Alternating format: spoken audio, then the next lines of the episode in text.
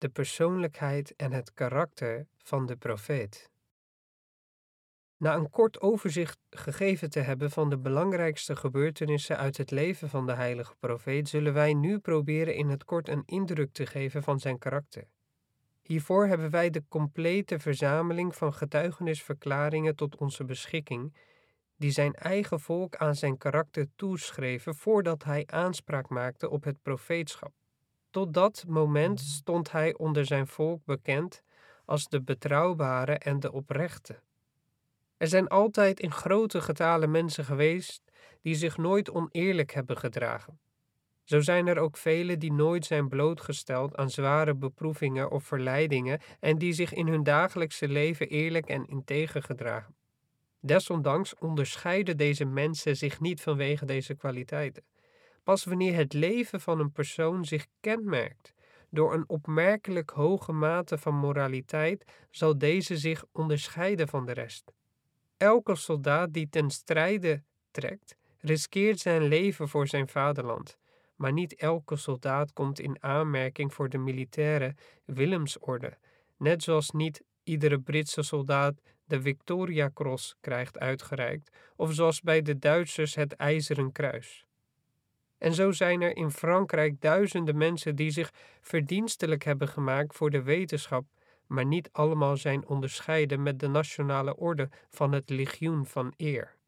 Dus het simpele feit dat iemand betrouwbaar en oprecht is, wil nog niet per se zeggen dat hij zich hierdoor onderscheidt.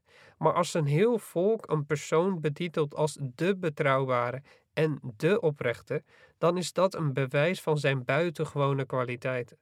Zelfs als het een traditie was geweest onder het volk van Mekka om in iedere generatie iemand een dergelijke status toe te kennen, dan zou in zo'n geval een dergelijke persoon een zeer hoog aanzien hebben. Maar in de gehele geschiedenis van Mekka in Arabië is geen enkele aanwijzing te vinden dat het gebruikelijk was onder de Arabieren om personen uit elke generatie op deze of gene wijze te onderscheiden. Integendeel, in de Arabische geschiedenis door de eeuwen heen vindt men alleen in het geval van de heilige profeet van de islam terug dat het volk hem bestempelde als de betrouwbare en de oprechte. Dit is het bewijs dat deze kwaliteiten bij de profeet uitzonderlijk groot waren. Voor zover de kennis en het geheugen van zijn volk reikte, was er niemand anders die in dat opzicht zijn gelijke was. De Arabieren stonden goed bekend om hun scherpzinnigheid. Als zij iets als buitengewoon beschouwden, dan moet het inderdaad iets buitengewoons en unieks zijn geweest. Toen de profeet door God werd opgedragen om de last en de verantwoordelijkheden van het profeetschap te dragen, legde zijn vrouw Getija getuigenis af van zijn hoge morele karaktereigenschappen. Deze gebeurtenis is al beschreven in het biografische deel. We zullen nu verder gaan met het uiteenzetten van enkele van zijn hoge morele karaktereigenschappen, zodat de luisteraar in staat wordt gesteld om ook deze in het algemeen minder bekende kant van zijn persoonlijkheid te leren kennen. De zuiverheid van geest en de fysieke reinheid van de heilige profeet. Er wordt gezegd dat de taal van de heilige profeet altijd beschaafd was en dat hij, in tegenstelling tot de meeste van zijn tijdgenoten, nooit scheldwoorden gebruikte. Dit was iets uitzonderlijks voor een Arabier. We impliceren hier niet mee dat de Arabieren ten tijde van de heilige profeet gewoon waren grove taal te gebruiken, maar er bestaat geen twijfel over dat zij als gewoonte hadden om in hun taalgebruik flink wat scheldwoorden te gebruiken.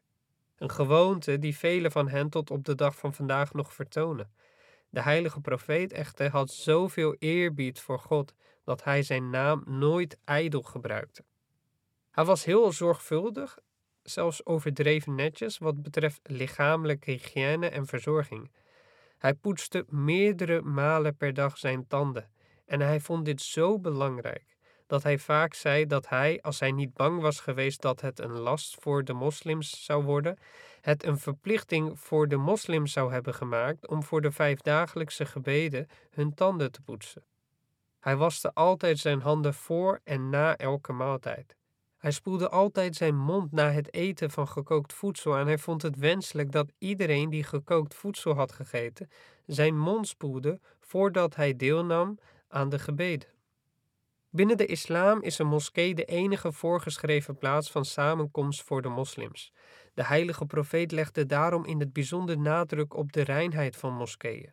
Vooral bij gelegenheden waarvan verwacht werd dat de mensen zich daar zouden verzamelen.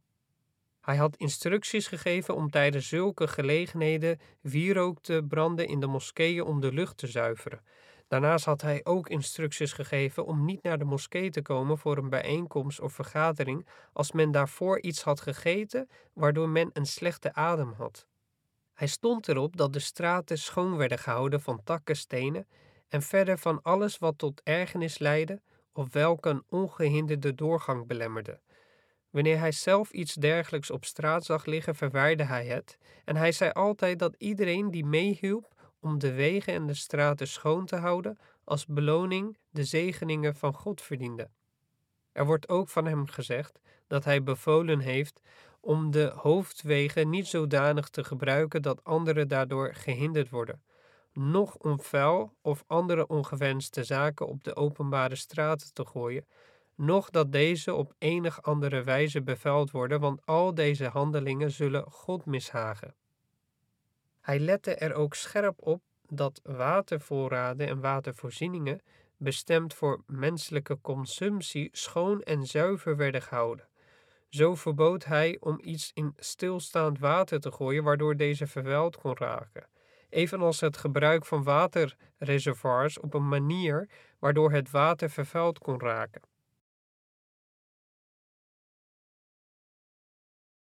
Wat at en dronk de heilige profeet? Wat eten en drinken betreft was de profeet zeer bescheiden. Hij uitte nooit zijn ongenoegen over slecht bereide of mislukte maaltijden. Als hij dit te eten kreeg, at hij het, om degene die het eten had bereid niet teleur te stellen. Echter, als een schotel echt niet eetbaar was, dan zag hij ervan af om het te eten, zonder daar ooit zijn ongenoegen over te uiten. Als hij ging zitten om te eten, dan gebruikte hij al zijn aandacht aan de maaltijd die hem werd voorgeschoteld, en hij zei altijd dat hij een onverschillige houding voor het eten afkeurde, omdat men daarmee wilde zeggen dat er belangrijke zaken waren die de aandacht vroegen dan het eten en drinken die geserveerd werden. Wanneer hem iets te eten werd aangeboden, deelde hij dit altijd met de andere aanwezigen.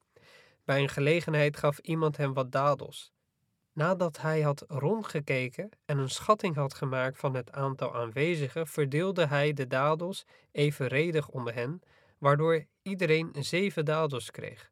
Abu Huraira vertelt dat de heilige profeet zich nooit volat, zelfs al was er alleen maar gerstebrood.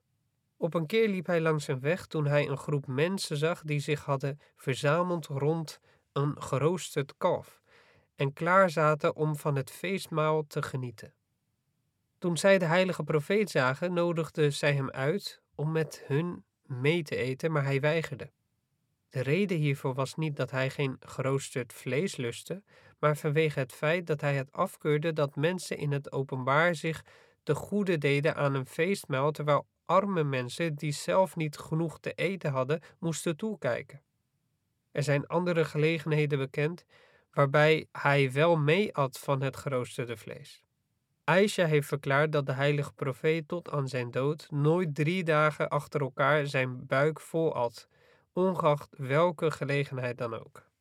Hij schonk in het bijzonder aandacht aan het feit dat men niet onaangekondigd bij iemand langs moest gaan om te komen eten. Op een keer werd hij voor een maaltijd uitgenodigd en werd hem gezegd dat hij nog vier andere gasten mocht meenemen. Toen hij bij zijn gastheer aankwam, ontdekte hij dat zich nog een zesde persoon had aangesloten bij zijn gezelschap. Toen de gastheer zijn gasten verwelkomde, wees de heilige profeet de gastheer erop dat zij nu met zijn zessen waren en dat het aan de gastheer was om te beslissen of deze zesde persoon mee aan tafel kon gaan of dat hij hem moest wegsturen. Uiteraard was de gastheer bereid om de zesde persoon ook uit te nodigen. Wanneer de heilige profeet aan tafel zat, begon hij altijd pas met eten na het aanroepen van Allah en zijn zegeningen. Zodra hij klaar was met eten, uitte hij zijn dankbaarheid met de volgende woorden: Alle lof behoort tot Allah die ons te eten heeft gegeven. Lof dat overvloedig en oprecht is en die alleen maar groter wordt. Lof niet waarvan men het idee heeft dat deze voldoende is, maar lof waarvan men het idee heeft dat dit niet vaak genoeg is gezegd en dat deze lof nooit voldoende zal zijn, en waartoe men wordt aangezet om te geloven dat elke goddelijke handeling lovenswaardig is en dus geprezen moet worden. O Allah, vul onze harten met deze gevoelens. Soms gebruikte hij deze woorden: Alle lof behoort toe aan God, die onze honger en onze dorst heeft gestild. Mogen onze harten altijd vol lof zijn voor Hem en niet met ondankbaarheid. Hij spoorde zijn metgezellen altijd aan om met eten te stoppen voordat men vol zat, en zei vaak dat het eten voor één persoon voldoende zou moeten zijn voor twee personen. Wanneer in zijn huishouden een speciaal gerecht werd bereid, dan liet hij altijd als geschenk een portie naar de buren sturen. Het was een gewoonte geworden dat vanuit zijn huishouden voedsel en andere artikelen als geschenk naar de omliggende buren werd gezonden. Hij probeerde altijd aan de hand van de gezichten van de aanwezigen in zijn gezelschap vast te stellen of een van hun hongerig was. Abu Huraira vertelt wat hem zelf ooit was overkomen. Op een keer had hij meer dan drie dagen geen eten gehad. Hij stond voor de ingang van de moskee en zag Abu Bakr langskomen. Hij vroeg Abu Bakr naar de betekenis van een vers uit de Koran die over het voeden van de armen ging. Abu Bakr legde de betekenis ervan uit en liep verder. Als Abu Huraira wel eens over dit moment vertelde, zei hij altijd een beetje verontwaardigd dat hij de Koran ook wel net zo goed begreep als Abu Bakr. Zijn doel van het stellen van deze vraag over de betekenis van het vers was echter om Abu Bakr te laten raden dat hij honger had en dan vervolgens voedsel voor hem zou regelen. Kort daarna kwam Omer langs en Abu Huraira vroeg ook aan hem om de betekenis van het vers uit te leggen. Ook Omer legde de betekenis uit en ging verder. Abu Huraira, net als alle metgezellen van de heilige profeet, hield er niet van om rechtstreeks ergens om te vragen.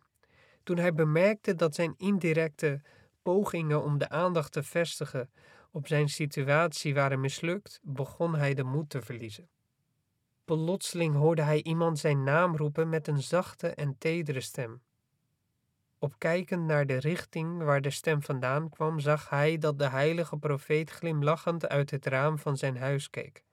Hij vroeg aan Abu Huraira: Hebt u honger? Abu Huraira antwoordde daarop: Jazeker, boodschapper van Allah, ik heb honger.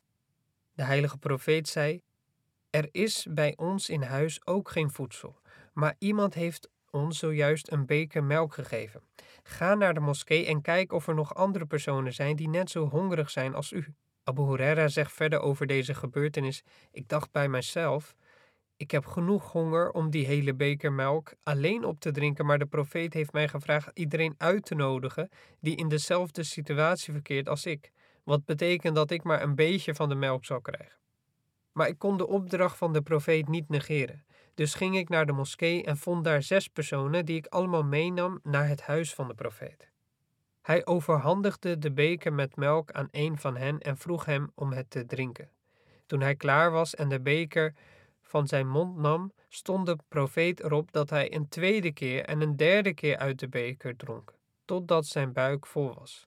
Op dezelfde manier stond hij erop dat de rest ook hun buik vol dronken. Elke keer dat de profeet iemand vroeg om te drinken, was ik bang dat er weinig zou overblijven voor mij. Nadat alle zes personen van de melk hadden gedronken, gaf de profeet de beker aan mij en ik zag dat er nog genoeg melk in zat. Ook bij mij stond hij erop dat ik genoeg dronk en liet hij mij een tweede en een derde keer drinken. Als laatste dronk de profeet het resterende melk zelf op, dankte God en deed daarna de deur dicht. Door Abu Huraira als laatste de melk aan te bieden, zou het de bedoeling van de heilige profeet geweest kunnen zijn om Abu Huraira erop te wijzen dat hij zijn honger langer had moeten verdragen, daarbij vertrouwend op God en niet de aandacht erop te vestigen, zelfs niet indirect. De profeet at en dronk altijd met zijn rechterhand en stopte altijd drie keer tijdens het drinken om adem te halen. Reden hiervoor kan zijn dat als iemand die dorst heeft in één teug al het water opdrinkt, geneigd is te veel te drinken, waardoor zijn spijsvertering van slag kan raken. Wat het eten betreft volgde hij als regel dat hij alleen at van wat rein en toegestaan was, en dan nog op een wijze die niet neigde naar overdadigheid of waardoor anderen minder te eten hadden. Zoals eerder vermeld, waren zijn gebruikelijke maaltijden altijd erg eenvoudig. Maar als iemand hem een speciaal bereide maaltijd aanbood, dan sloeg hij dat niet af. Het was echter niet zo dat hij altijd per se lekker eten wilde, maar hij had wel een bijzondere voorliefde voor honing en voor dadels. Wat betreft de dadels zei hij altijd dat er een bijzondere overeenkomst bestond tussen een moslim en een dadelpalm, want de bladeren de bast, de rijpe, zowel als de onrijpe vruchten, en zelfs de pitten van de vruchten konden allemaal op een of andere manier worden gebruikt, en geen enkel onderdeel ervan was nutteloos. Hetzelfde was het geval met een ware moslim. Geen enkele daad van hem was zinloos, wat hij ook deed, het was altijd ten goede voor het welzijn van de mensheid. De kleding van de heilige profeten. De heilige profeet had een voorkeur voor eenvoudige kleding. Zijn eigen gewaad bestond normaal gesproken uit een shirt en een izar, of uit een shirt en een broek. Hij droeg altijd zijn izar of zijn broek zodanig dat het kledingstuk zijn lichaam bedekte tot vlak boven zijn enkels. Behalve dan in uiterste noodzaak keurde hij het af om de knieën of andere delen van het lichaam boven de knie te tonen. Kleding of gordijnen met geborduurde of bedrukte figuren keurde hij ook af. Helemaal als de figuren zo groot waren dat ze geassocieerd konden worden met goden, godinnen of andere voorwerpen van aanbidding. Eén keer zag hij in zijn huis een gordijn hangen met grote figuren erop. Hij gaf opdracht om die gelijk te verwijderen. Hij zag echter geen kwaad in het gebruik van kledingstukken met kleine figuurtjes erop die niet op deze manier konden worden geïnterpreteerd. Hij droeg zelf nooit kleding gemaakt van zijde en hij vond het ongewenst dat moslimmannen dit deden. Ten behoeve van de verzegeling van de brieven die hij had geschreven aan bepaalde vorsten om hen uit te nodigen tot de islam, liet hij een zegelring maken met de opdracht dat deze van zilver moest zijn en niet van goud, want hij zei het dragen van goud was verboden voor moslimmannen. Moslimvrouwen mogen wel goud en kleding van zijde dragen, maar ook in hun geval heeft de heilige profeet aangeraden om overdaad te mijden. Op een keer vroeg hij de mensen om een bijdrage voor de armen en een vrouw deed een van haar armbanden af en bood deze aan als haar bijdrage. Hierop zei de profeet tegen haar: Heeft uw andere arm niet het recht om van het vuur gered te worden? De vrouw deed toen ook de armband van haar andere arm af en bood deze aan voor het doel welke hij voor ogen had. Geen van zijn vrouwen bezat sieraden van aanzienlijke waarde en andere moslimvrouwen bezaten ook maar zelden sieraden. In overeenstemming met de leerstellingen van de Koran veroordeelde hij het oppotten van geld of edelmetalen, want hij vond dat dit schadelijk was voor de belangen van de armere bevolking binnen de gemeenschap en het zou kunnen leiden tot een ontwrichting van de lokale economie en daardoor dus een zonde was. Omer stelde eens aan de heilige profeet voor om voor de gelegenheden waarbij hij afgezanten van grote mogendheden moest ontvangen, een duur geborduurd gewaad te laten maken, welke hij dan bij ceremoniële gelegenheden kon dragen. De profeet wees dit voorstel af en zei daarover: Het zou God niet behagen als ik mij een dergelijke leefstijl zou aanmeten. Ik zal iedereen ontmoeten in de kleding die ik altijd draag. Een keer kreeg de profeet kleding van zijde aangeboden, van waaruit hij een kledingstuk naar Omer stuurde. Hierop reageerde Omer: Hoe zou ik dit kunnen dragen als u zelf het dragen van zijde-kleding afkeurt? De heilige profeet antwoordde hierop: Niet elk cadeau is bedoeld voor persoonlijk gebruik. Hij bedoelde hiermee te zeggen dat aangezien het kledingstuk van zijde was, Omer het aan zijn vrouw of aan zijn dochter had kunnen geven of er iets anders mee had kunnen doen. Het eenvoudig leven van de heilige profeet. Het bed van de profeet was ook erg eenvoudig. Hij gebruikte nooit een ledikant of een bank, maar sliep altijd op de grond, waarbij het beddengoed bestond uit een stuk leer of een doek gemaakt van kamelenhaar. Aisha vertelt: Ons beddengoed was zo klein dat wanneer de heilige profeet s'nachts opstond om te bidden, ik aan één zijde van het beddengoed ging liggen en mijn benen moest uittrekken als hij in qiyam of staande positie was, en moest ik ze optrekken als hij in sajda knielende positie ging. Zijn woonruimte straalde ook dezelfde eenvoud uit. Zijn huis bestond uit slechts één kamer en een kleine binnenplaats. In het midden van de kamer was een touw gespannen waarover een doek werd gehangen om de kamer in tweeën te verdelen als er gasten kwamen.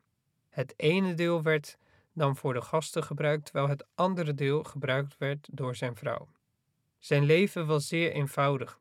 Aisha vertelt dat gedurende het leven van de profeet zij vaak alleen van dadels en water moest leven. Zelfs op de dag van zijn dood was er, op een paar dadels na, geen eten in huis. Relatie met God. Elk aspect van het leven van de heilige profeet lijkt beheerst en bepaald te zijn door zijn liefde voor en zijn toewijding aan God. Ondanks de zware verantwoordelijkheden die op zijn schouders waren gelegd, bracht hij zowel overdags als s nachts het grootste deel van zijn tijd door met het aanbidden en verheerlijken van God. Hij stond midden in de nacht op om tot God te bidden totdat het tijd werd om naar de moskee te gaan voor het ochtendgebed.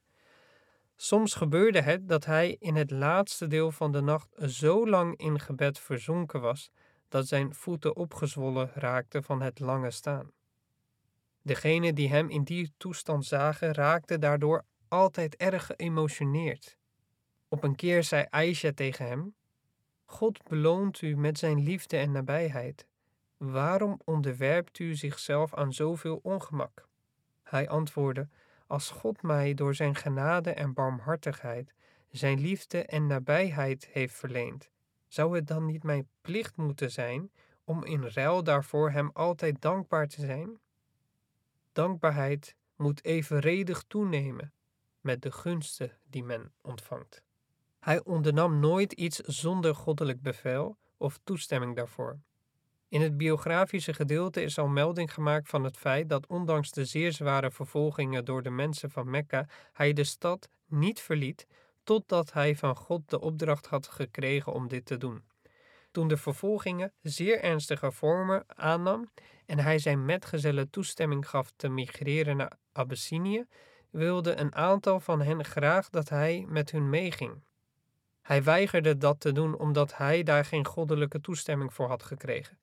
Terwijl men normaal gesproken in zulke perioden van ontberingen en vervolging vrienden en familie het liefst zoveel mogelijk dicht bij jezelf houdt, beval hij zijn metgezellen juist om hun toevlucht te zoeken in Abyssinië en bleef hij zelf achter in Mekka, omdat God hem nog niet had bevolen om te emigreren. Wanneer hij naar de recitatie van het woord van God luisterde, gebeurde het altijd dat hij overmand werd door emoties en stroomde de tranen over zijn gezicht, vooral als hij luisterde naar de verzen die hem op zijn eigen verantwoordelijkheden wezen. Abdullah bin Mas'ud vertelt dat de heilige profeet hem een keer vroeg om een aantal verzen uit de Koran te reciteren. Hij zei hierop: O boodschapper van Allah, de Koran is aan u geopenbaard. Met andere woorden, u kent de Koran als beste. Waarom zou ik dan aan u moeten reciteren? Maar de heilige profeet antwoordde: Ik vind het fijn als ik ook andere mensen hoor reciteren. Abdullah bin Mas'ud begon daarop te reciteren uit Surah An-Nisa. Toen hij het volgende vers reciteerde: En wat geschiet wanneer wij een getuige van elk volk zullen roepen en u als getuige tegen deze zullen brengen? Riep de heilige profeet uit: Genoeg, genoeg. Abdullah bin Mas'ud keek op en zag de tranen vloeien langs het gezicht van de heilige profeet. Hij hechtte zoveel waarde aan het gezamenlijk verrichten van de gebeden dat hij zelfs als hij heel erg ziek was naar de moskee ging om het gebed te leiden, terwijl het in dergelijke situaties toegestaan is om het gebed thuis en zelfs liggend op bed te verrichten. Op een keer was hij niet in staat om naar de moskee te gaan en gaf hij Abu Bakr de opdracht om het gebed te leiden. Na de hand voelde hij zich iets beter en vroeg hij hulp om naar de moskee gebracht te worden. Hij rustte met zijn gewicht op de schouders van twee mannen, maar hij was zo zwak dat volgens Aisha zijn voeten over de grond sleepte. Het is een gangbare gewoonte om te applaudisseren om uiting te geven van blijdschap of als men de aandacht ergens voor wil vragen. Ook bij de Arabieren was dit de gewoonte.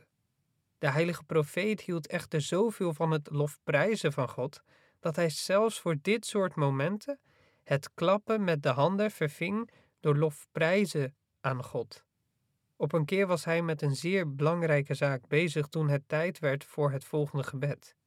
Hij vroeg daarom aan Abu Bakr of deze het gebed wilde leiden.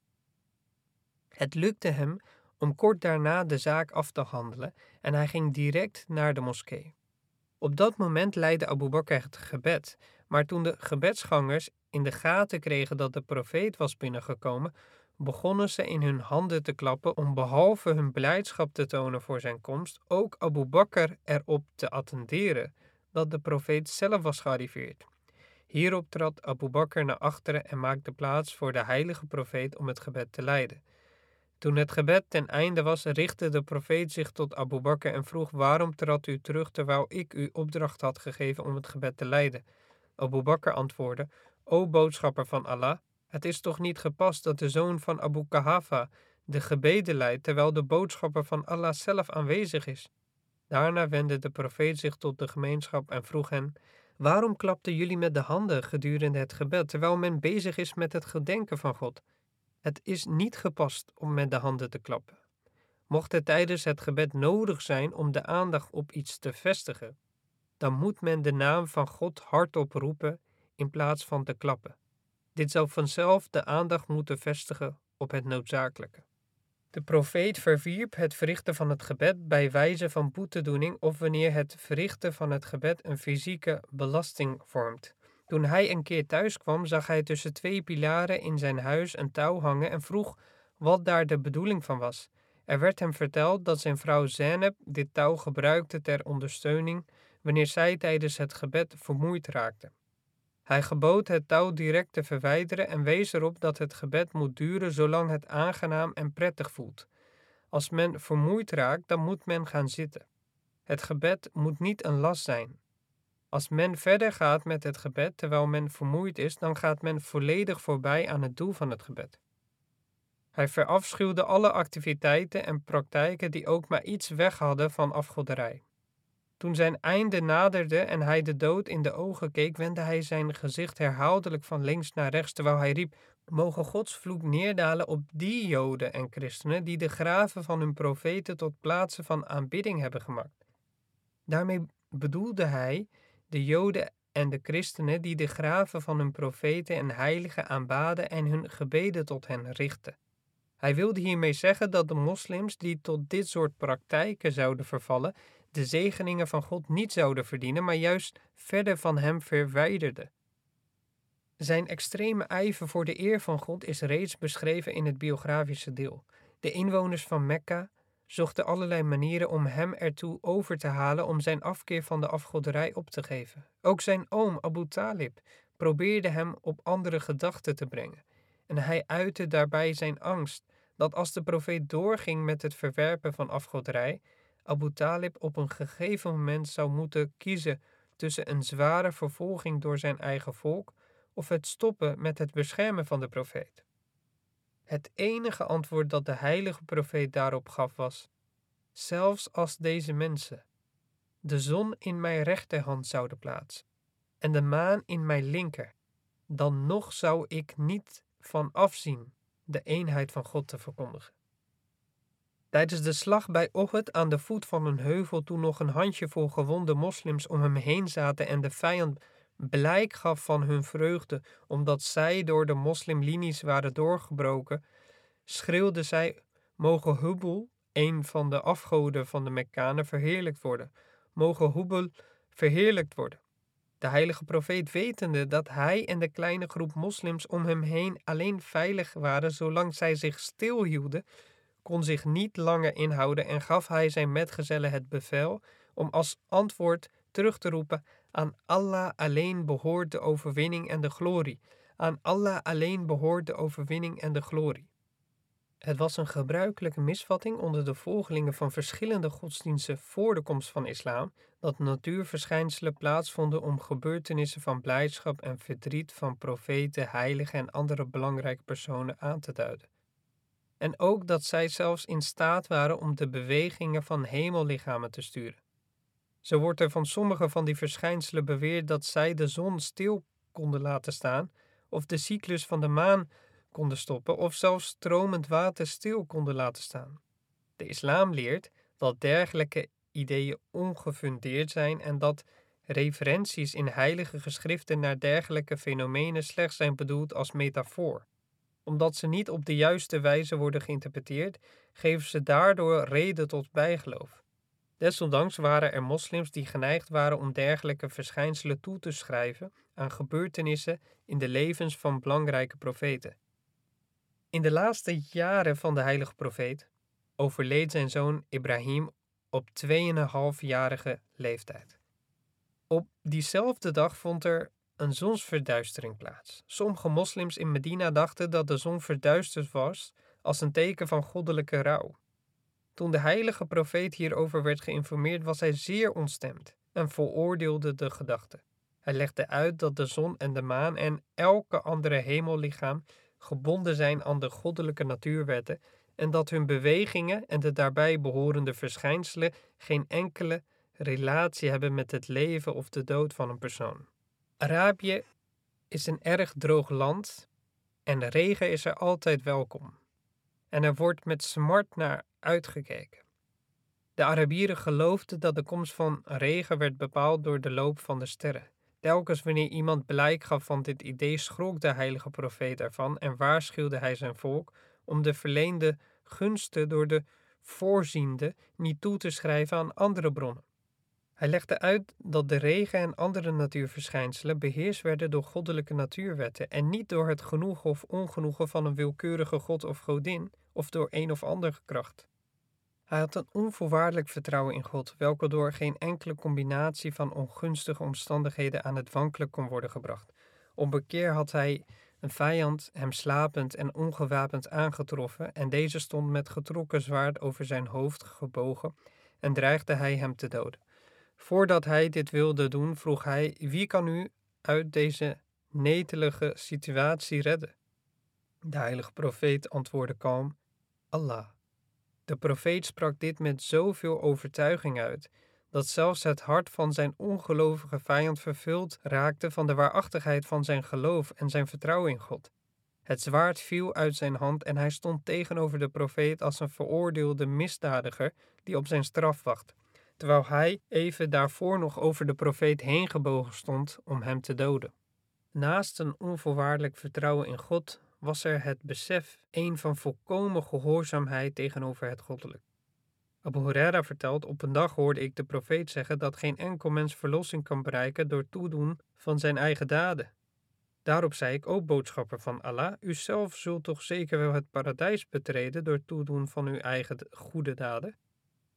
Waarop hij antwoordde, nee, ook ik kan niet door toedoen van mijn daden zelf het paradijs binnengaan, tenzij God mij zal omhullen met zijn barmhartigheid en genade. Hij spoorde mensen altijd aan om het juiste pad te kiezen en deze te blijven volgen en om ijverig te zoeken naar manieren om dichter bij God te komen. Hij leerde dat niemand zijn eigen dood mocht verlangen, want als iemand een goed persoon is, kan hij door langer te leven een hoger doel bereiken. En als iemand een slecht persoon is, dan kan hij, als hem de tijd gegeven wordt, in staat worden gesteld om het slechte pad te verlaten en alsnog het juiste pad te kiezen. Zijn liefde voor en zijn toewijding aan God kende vele vormen. Bijvoorbeeld, telkens als na een droge tijd de eerste regendruppels vielen, stak hij zijn tong uit om een regendruppel op te vangen en zei dan: Dit is de meest recente gunst van mijn Heer. Hij was vrijwel altijd in gebed om Gods vergeving en weldadigheid af te smeken, en al helemaal wanneer hij in gezelschap van anderen was, zodat zijn omstanders of degenen die met hem verbonden waren, en de moslims in het algemeen zichzelf zouden kunnen redden van Gods toorn en zijn vergeving konden verdienen. Het besef dat hij altijd in de aanwezigheid van God was, liet hem nooit los. Als hij ging slapen, zei hij: O Allah, laat mij slapen met uw naam op mijn lippen en laat mij met uw naam op mijn lippen weer opstaan. Bij het opstaan zei hij: Alle lof zij Allah die mij tot leven bracht na de dood, oftewel het slapen, en op een dag zullen wij allemaal tot hem bijeengebracht worden. Hij verlangde altijd naar de nabijheid tot God en een van de gebeden die hij vaak herhaalde was: O Allah, u vult mijn hart met uw licht en u vult mijn ogen met uw licht en u vult mijn oren met uw licht. U schijnt uw licht aan mijn rechterzijde en u schijnt uw licht aan mijn linkerzijde. En schijn uw licht boven mij en schijn uw licht onder mij en schijn uw licht voor mij en schijn uw licht achter mij. En u, o Allah, zet mijn hele wezen om in uw licht. Ibn Abbas vertelt, kort voordat de heilige profeet overleed, kwam Moselma, de valse profeet, naar Medina en verkondigde dat hij bereid was Mohammed te accepteren, als Mohammed hem zou benoemen tot zijn opvolger. Moselma werd vergezeld door een zeer groot gevolg en de stam waartoe hij behoorde was de grootste van alle stammen van Arabië. Toen de heilige profeet over zijn komst was geïnformeerd, ging hij, vergezeld door Sabit bin Qais bin Shams, naar hem toe om hem te ontmoeten. Hij had in zijn hand een gedroogde palmtwijg. Toen hij arriveerde in het kamp van Moselma, ging hij voor hem staan. In de tussentijd waren meer van zijn metgezellen gearriveerd en zij verzamelden zich om hem heen. Tegen Moselma zei hij: Het is mij ter oren gekomen dat u mij zult volgen als ik u mijn opvolger maak.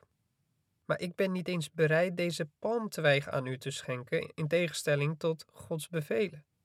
Uw einde zal zijn zoals God dat heeft beschikt. Als u mij uw rug toekeert, zal God u tot niets leiden. Ik voorzie duidelijk dat God u zal doen toekomen wat Hij aan mij heeft geopenbaard. Hij voegde er toen aan toe: Ik vertrek nu. Als u nog verder iets te zeggen heeft, dan kunt u dat vertellen aan Sabet bin Qais bin Shams, die mijn vertegenwoordiger is. Vervolgens ging hij terug. Abu Huraira was ook bij hem. Iemand vroeg de profeet wat hij bedoelde toen hij zei dat God Moselma zou toedoen wat hij aan hem had geopenbaard. De heilige profeet antwoordde daarop: In een droom zag ik twee armbanden om mijn polsen, wat ik niet prettig vond. Nog steeds in mijn droom werd ik door God bevolen om op de armbanden te blazen. Toen ik op de armbanden blies, verdwenen zij beiden. Ik interpreteerde de armbanden als zijnde twee valse profeten die na mij zullen komen. Dit incident vond plaats tegen het einde van het leven van de heilige profeet. De laatste en grootste van de Arabische stammen was bereid om zich aan hem te onderwerpen met als enige voorwaarde dat hij hun leider zou aanwijzen als opvolger. Als de profeet zich zou hebben laten leiden door het minste of geringste persoonlijke motief, dan zou hem niets meer in de weg hebben gestaan om de eenheid van Arabië te waarborgen door zijn opvolging toe te wijzen aan de leider van de grootste stam. De heilige profeet had geen eigen zoon, waardoor erfgenamen een dergelijke overeenkomst niet in de weg konden staan. Maar hij beschouwde zelfs de kleinste dingen niet als zijn persoonlijk eigendom of als volledig tot zijn beschikking staand. Hij kon hierdoor niet doen alsof het leiderschap over de moslims door hem geschonken kon worden. Hij beschouwde het als een heilige goddelijke verantwoordelijkheid en geloofde dat God het zou toewijzen aan degene die hij geschikt achtte. Daarom sloeg hij het voorstel van Moselma met minachting af en vertelde hem dat hij niet eens bereid was hem een droge palmtwijg te schenken, laat staan het leiderschap over de moslims. Voor wat betreft de goddelijke aanbidding stond hij altijd op eenvoud. De moskee welke hij in Medina had gebouwd en waar hij altijd de gebeden leidde, bestond uit een onverharde leme vloer en kale muren. Het plafond was gemaakt van gedroogde palmtakken en bladeren en lekte als het regende. Op zulke momenten raakten de heilige profeet en de gebedsgangers doorweekt van de regen en zaten ze onder de modder. Maar hij zette het gebed voor tot het einde en er was nooit een moment geweest dat hij overwoog om het gebed uit te stellen of om uit te wijken naar een drogere plaats. Hij was altijd opmerkzaam naar zijn metgezellen toe. Abdullah bin Umar was een uiterst vrome en oprechte man. Wat hem aangaat, heeft de heilige profeet eens gezegd. Abdullah bin Umar zou een nog beter mens zijn als hij wat regelmatiger zou zijn in het verrichten van zijn tahajjud gebeden. Toen dit aan Abdullah bin Umar werd verteld, heeft hij daarna nooit meer deze gebeden gemist. Er staat geschreven dat de profeet een keer bij zijn dochter Fatima thuis was en haar en zijn schoonzoon Ali vroeg of zij regelmatig hun tahajjud gebeden verrichtten. Ali antwoordde, o boodschapper van Allah, wij proberen op te staan voor de tahajjud gebeden, maar soms, als God het zo wil, zijn wij niet in staat om op tijd op te staan en missen wij de gebeden. De profeet ging verder en onderweg haalde hij meerdere malen een vers uit de Koran waarin vermeld staat dat de mens vaak terughoudend is om zijn eigen fouten toe te geven en deze met allerlei excuses probeert te verbergen.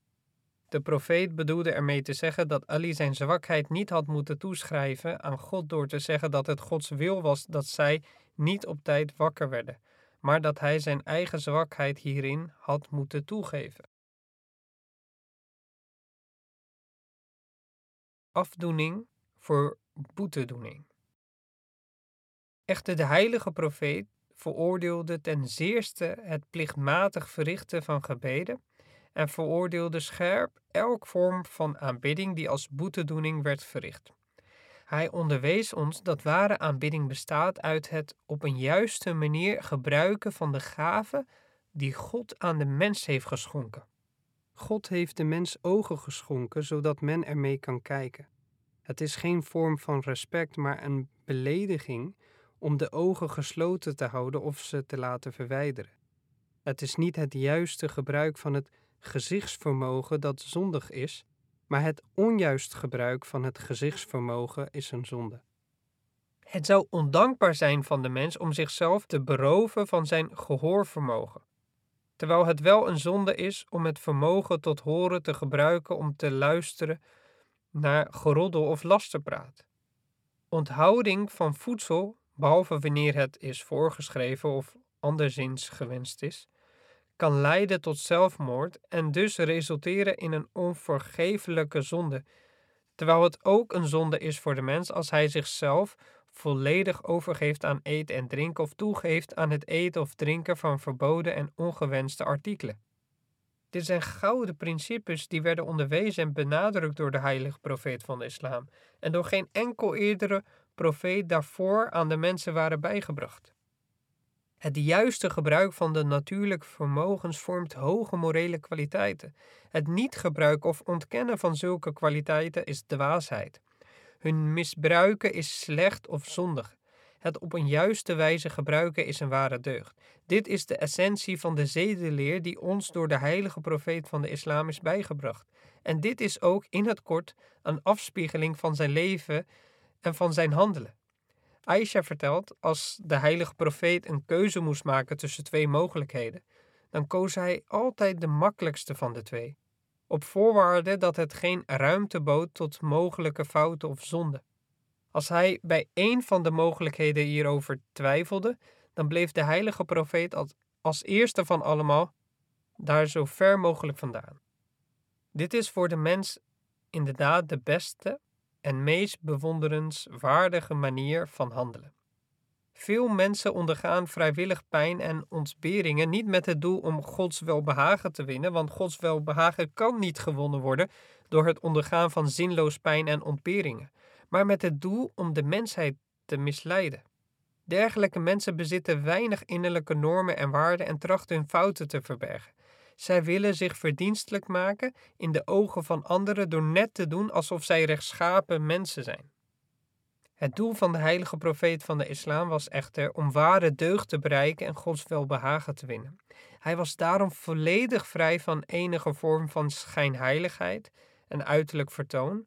Of de wereld hem als goed of slecht zou betitelen, deed hem totaal niets. Het enige wat voor hem telde was hoe hij zichzelf beschouwde en hoe God hem zou beoordelen. Als hij aanvullend op de getuigenis van zijn eigen geweten en de goedkeuring van God ook nog de ware getuigenis van de mensheid voor zich zou vinden, dan zou hij hier dankbaar voor zijn. Maar als de mensen hem afwijzend zouden aankijken, dan zou hij dat jammer voor hun vinden en verder geen waarde hechten aan hun mening.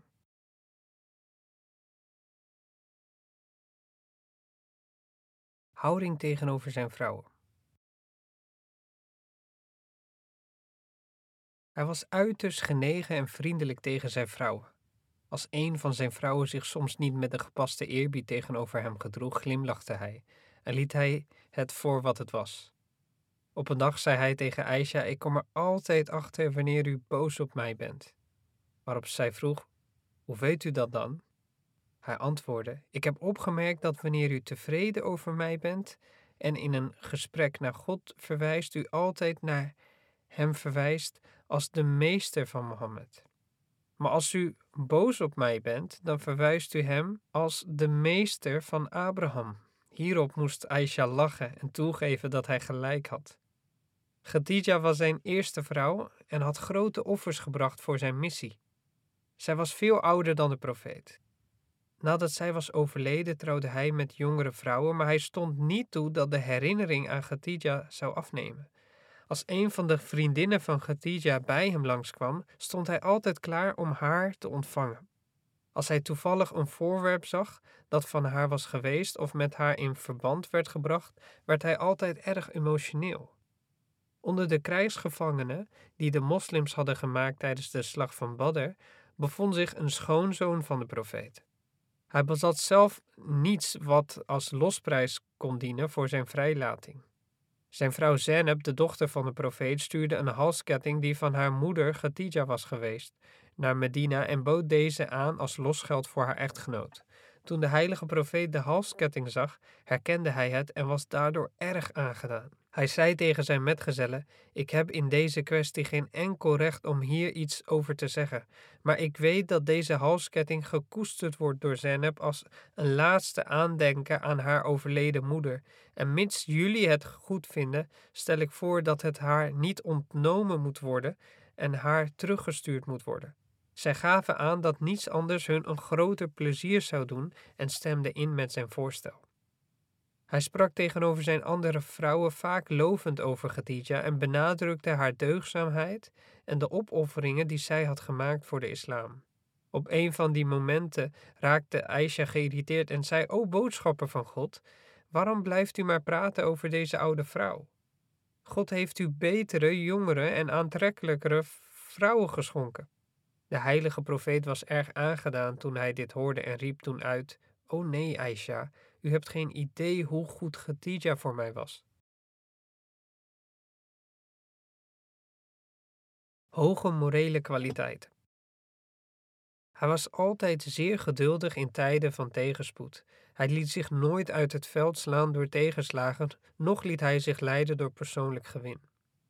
We hebben al eerder verteld dat zijn vader overleden was voordat hij geboren was en dat zijn moeder overleed toen hij nog een kind was. Tot zijn achtste jaar was zijn grootvader zijn voogd en na diens dood werd hij ondergebracht bij zijn oom, Abu Talib. Uit genegenheid, maar ook vanwege het feit dat zijn vader hem daar speciaal om had verzocht, lette Abu Talib altijd met extra zorg en tederheid op zijn neef. Dit in tegenstelling tot zijn vrouw, die zich daar niet door liet leiden. Het gebeurde vaak dat zij iets onder haar eigen kinderen verdeelde en dat hun kleine neef werd overgeslagen. Als Abu Talib op zulke momenten toevallig thuis kwam, vond hij zijn neefje apart zittend, een volmaakt toonbeeld van waardigheid, zonder ook maar een greintje van zagrijnigheid of verdriet op zijn gezicht. Abu Talib, zich bewust van zijn verantwoordelijkheden en vol van liefde voor zijn neef, rende dan naar hem toe, drukte hem aan zijn borst en schreeuwde: Geef ook aandacht aan dit kind van mij. Geef ook aandacht aan dit kind van mij. Dit soort voorvallen gebeurde vaak en degenen die daar getuigen van waren, gaven allemaal unaniem aan dat de jonge Mohammed nooit liet merken dat hij door dat soort dingen geraakt was of dat hij enigszins jaloers was op zijn neven. Op latere leeftijd, toen hij in een positie was om dat te doen, nam hij zelf de zorg en opvoeding op zich van twee zonen van zijn oom, Ali en Jafar, en hierin had hij op een zeer voortreffelijke wijze zijn verantwoordelijkheid genomen. De heilige profeet heeft gedurende zijn gehele leven veel beproevingen moeten doorstaan. Hij werd als wees geboren, zijn moeder stierf toen hij nog een kind was en hij verloor zijn grootvader toen hij acht jaar oud was. Na zijn huwelijk heeft hij het verlies van meerdere van zijn kinderen moeten dragen, de een na de ander, en toen overleed zijn geliefde en toegewijde vrouw Khadija. enkele van zijn vrouwen die hij na Khadija trouwde, overleden tijdens zijn leven. Tegen het einde van zijn eigen leven moest hij het verlies dragen van zijn zoon Ibrahim. Hij droeg al deze verliezen en beproevingen gelaten en geen van deze had invloed op zijn hoge mate van fatsoen of vriendelijkheid. Hij liet in het openbaar nooit iets merken van zijn persoonlijk verdriet en trad altijd iedereen tegemoet met een vriendelijk gezicht en behandelde iedereen op een gelijke, beleefde manier. Op een keer zag hij een vrouw die haar kind had verloren, hardop rouwen bij het graf van haar kind. Hij vermaande haar om geduldig te zijn en uiteindelijk Gods beslissing te accepteren. De vrouw wist niet dat ze door de profeet werd aangesproken en antwoordde: Als u zelf het verlies van een kind hebt meegemaakt, dan zou u moeten weten hoe moeilijk het is om geduldig te blijven onder zo'n beproeving. De profeet antwoordde: Ik heb niet één, maar zeven kinderen verloren, en liep vervolgens door. Anders dan op deze indirecte wijze sprak hij nooit over zijn eigen verliezen of tegenslagen, en stond hij daar ook niet bij stil. Hij zorgde ervoor dat het geen last voor hem werd, en ook liet hij op geen enkele manier toe dat zijn voortdurende dienstbaarheid voor de mensheid daaronder zou kunnen lijden. Zijn zelfbeheersing. Hij had zichzelf altijd volledig onder controle. Zelfs toen hij een heerser was geworden, luisterde hij met geduld naar iedereen. En als iemand brutaal tegen hem was, verdroeg hij het. En hij had geen behoefte om zijn gelijk te halen. In het oosten is het een vorm van respect voor degene die men aanspreekt, om diegene niet aan te spreken bij zijn voornaam. De moslims spraken de heilige profeet gewoonlijk aan als boodschapper van Allah en de niet-moslims zeiden tegen hem Abul Qasim, dat betekent Qasims vader. Qasim was de naam van een van zijn zonen. Op een keer kwam een Jood naar hem toe in Medina en begon een discussie met hem. Tijdens de discussie sprak hij hem herhaaldelijk aan als Mohammed. De profeet schonk daar geen aandacht aan en ging geduldig verder met het uitleggen van de kwestie waarover de discussie ging. Zijn metgezellen echter waren geërgerd door de oneerbiedige manier waarop deze gesprekspartner hem aansprak, totdat een van hun zich niet meer kon inhouden en de Jood maande om de profeet niet meer bij zijn voornaam te noemen, maar aan te spreken als Abul Qasim. De Jood zei dat hij hem alleen zou aanspreken met de naam die hij van zijn ouders had gekregen. De profeet lachte en zei tegen zijn metgezellen: Hij heeft gelijk. Ik werd Mohammed genoemd toen ik werd geboren, en er is geen reden om boos te zijn omdat hij mij met die naam aanspreekt. Soms gebeurde het dat hij onderweg door mensen werd tegengehouden en dat zij hele gesprekken met hem aangingen over hun problemen of dat zij hem om een gunst vroegen. Hij bleef altijd geduldig staan en liet hun uitpraten. Pas als ze klaar waren, liep hij door. Zo nu en dan waren er mensen die tijdens het handenschudden met hem zijn hand heel lang vasthielden. En hoewel hij dit niet prettig vond en het veel van zijn kostbare tijd kostte, was hij nooit de eerste die zijn hand terugtrok.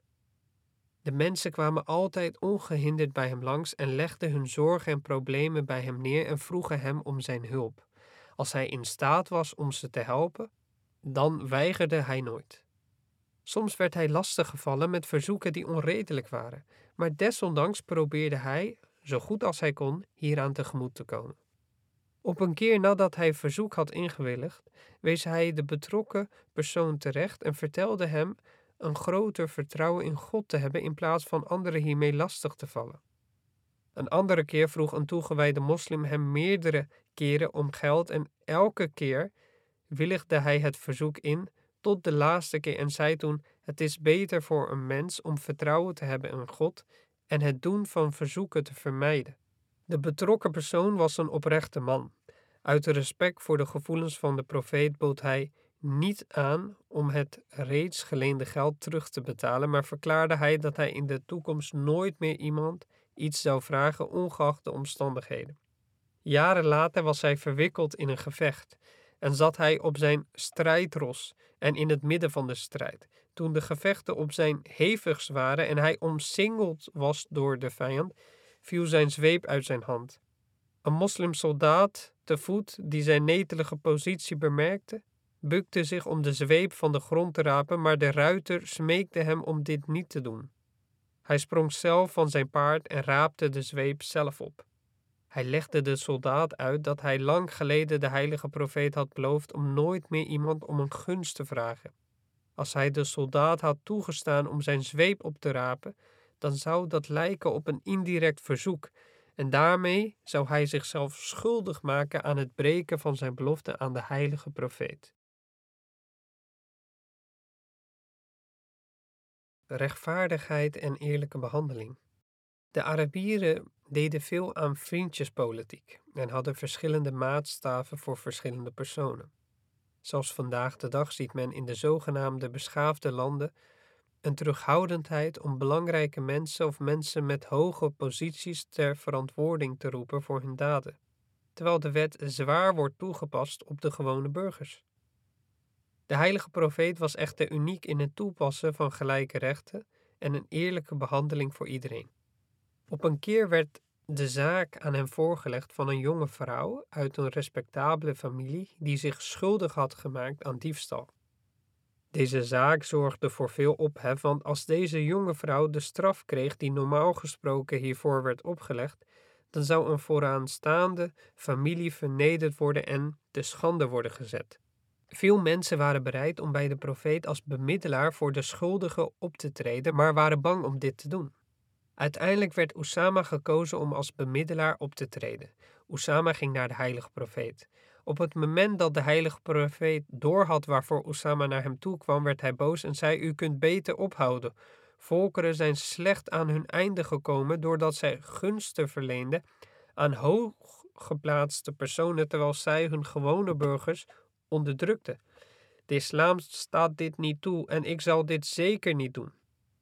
Voorwaar, als mijn eigen dochter Fatima een misdaad zou begaan, dan zou ik niet aarzelen om haar de gepaste straf daarvoor op te leggen. We hebben al eerder verteld over Abbas, de oom van de profeet, die als krijgsgevangene in de slag bij Badr, net als alle andere gevangenen, werd vastgebonden met touwen om te voorkomen dat zij zouden ontsnappen. Het touw was zo strak gebonden dat hij gedurende de nacht kreunde van pijn. De profeet hoorde zijn gekreun en kon er niet van slapen. De metgezellen die dat bemerkten, maakten de touwen waarmee Abbas vast zat los. Toen de heilige profeet hierachter kwam, gaf hij opdracht om alle gevangenen op dezelfde wijze te behandelen, want er was geen enkele reden om zijn eigen familie een voorkeursbehandeling te geven. Hij stond erop dat zij de boeien van alle gevangenen zouden losmaken of dat de boeien van Abbas weer net zo strak zouden worden vastgebonden als de andere gevangenen. Omdat de metgezellen niet wilden dat de profeet ongemak ondervond door toedoen van zijn oom, besloten zij om de gevangenen scherp te bewaken en maakten zij de touwen van alle gevangenen los. Zelfs tijdens de onvermijdelijke oorlogen lette hij erop dat alle afspraken en verdragen werden nageleefd. Op een keer stuurde hij een paar van zijn metgezellen op een verkenningstocht.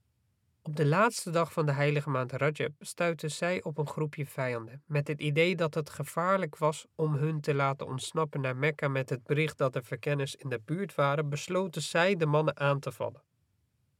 Tijdens de schermutseling werd een van de mannen gedood. Nadat de verkenners terug waren in Medina, beklaagden de Mekkanen zich erover dat de moslims een van hun mannen hadden gedood in de heilige maand. De Mekkanen waren echter vaak zelf schuldig aan de schending van de heilige maanden tegenover de moslims wanneer het hun uitkwam. En het zou een gepast antwoord op hun bezwaar zijn geweest door te zeggen dat de Mekkanen zelf de verdragen aangaande de heilige maanden schonden en dat zij nu niet in de positie waren om zich hierover bij de moslims te beklagen. Maar dat was niet het antwoord van de profeet. Hij gaf de leden van de groep een flinke uitbrander, weigerde om de oorlogsbuit te accepteren en volgens sommige berichten betaalde hij zelfs bloedgeld voor de gedode man, tot op het moment dat met de openbaring van het vers hoofdstuk 2 vers 218 de hele situatie als afgehandeld kon worden beschouwd. Normaal gesproken zijn mensen erg voorzichtig om de gevoelens van hun vrienden en familie niet te kwetsen. De profeet echter was hier zelfs naar zijn tegenstanders toe heel voorzichtig in. Op een keer kwam er een Jood naar hem toe en beklaagde zich over Abu Bakr. Abu Bakr zou zijn gevoelens hebben gekwetst door te beweren dat God Mohammed boven Mozes had verheven.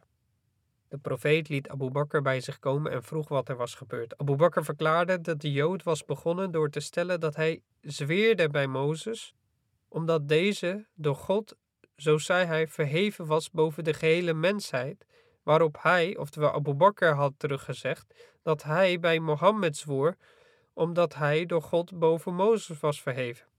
De profeet zei: Uit respect voor de gevoelens van anderen had u dit niet moeten zeggen. Niemand moet mij boven Mozes stellen. Dit betekende echter niet dat de heilige profeet niet een hogere positie dan Mozes bekleedde, maar om dit zo stellig te bevestigen tegenover een Jood, zou zijn gevoelens zeker kwetsen en had voorkomen moeten worden.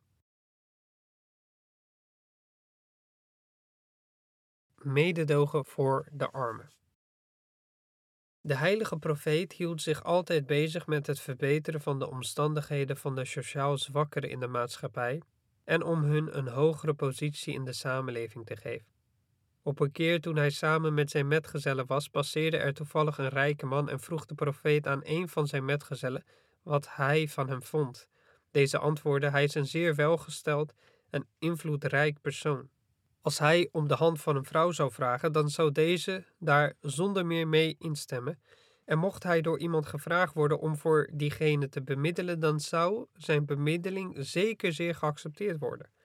Kort daarna kwam een andere man voorbij, die er arm en onbeduidend uitzag. De profeet vroeg aan dezelfde metgezel wat hij van deze man vond. Deze antwoordde: O boodschapper van Allah, hij is een arm persoon. Als hij om de hand van een vrouw zou vragen, dan zou deze zeker afgewezen worden. En mocht hij voor iemand als bemiddelaar moeten optreden, dan zou zijn bemiddeling niet geaccepteerd worden. En als hij met iemand in gesprek zou willen gaan, dan zou niemand aandacht aan hem schenken. Toen de profeet dit hoorde, merkte hij op: deze man is meer waard dan de hoeveelheid goud die de hele universum zou kunnen vullen. Een arme moslimvrouw maakte altijd de moskee van de heilige profeet in Medina schoon. Op een gegeven moment had de profeet haar al een paar dagen niet gezien en informeerde naar haar. Toen hem verteld werd dat zij was overleden, zei hij: Waarom heeft niemand mij geïnformeerd toen zij overleed? Ik had graag het gebed tijdens haar begrafenis willen bijwonen. En voegde daaraan toe: Misschien vonden jullie haar niet belangrijk genoeg omdat zij arm was, maar dat is niet juist. Breng me naar haar graf. Vervolgens bezocht hij haar graf en bad hij voor haar. De profeet zei regelmatig dat de mensen die erg slecht en onverzorgd uitzagen en niet geaccepteerd werden door de rijkeren, door God zozeer gewaardeerd werden dat indien zij in zijn naam zouden zweren dat zij vertrouwen hadden in zijn weldadigheid en wilden dat een bepaalde kwestie een bepaalde wending zou krijgen, God hun hierin zeker zou helpen. Op een keer zaten enkele metgezellen van de heilige profeet, die alle vrijgekochte slaven waren, bij elkaar toen Abu Sufyan voorbij kwam. Abu Sufyan was een van de leiders van de Quraysh en hij had tot aan de verovering van Mekka tegen de moslims gevochten. Pas daarna bekeerde hij zich tot de islam.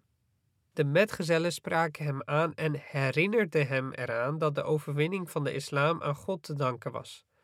Abu Bakr hoorde dit en keurde het af dat zij een stamhoofd van Quraysh aan zijn nederlaag herinnerde en wees hun terecht. Vervolgens ging hij naar de heilige profeet en vertelde hem over het voorval.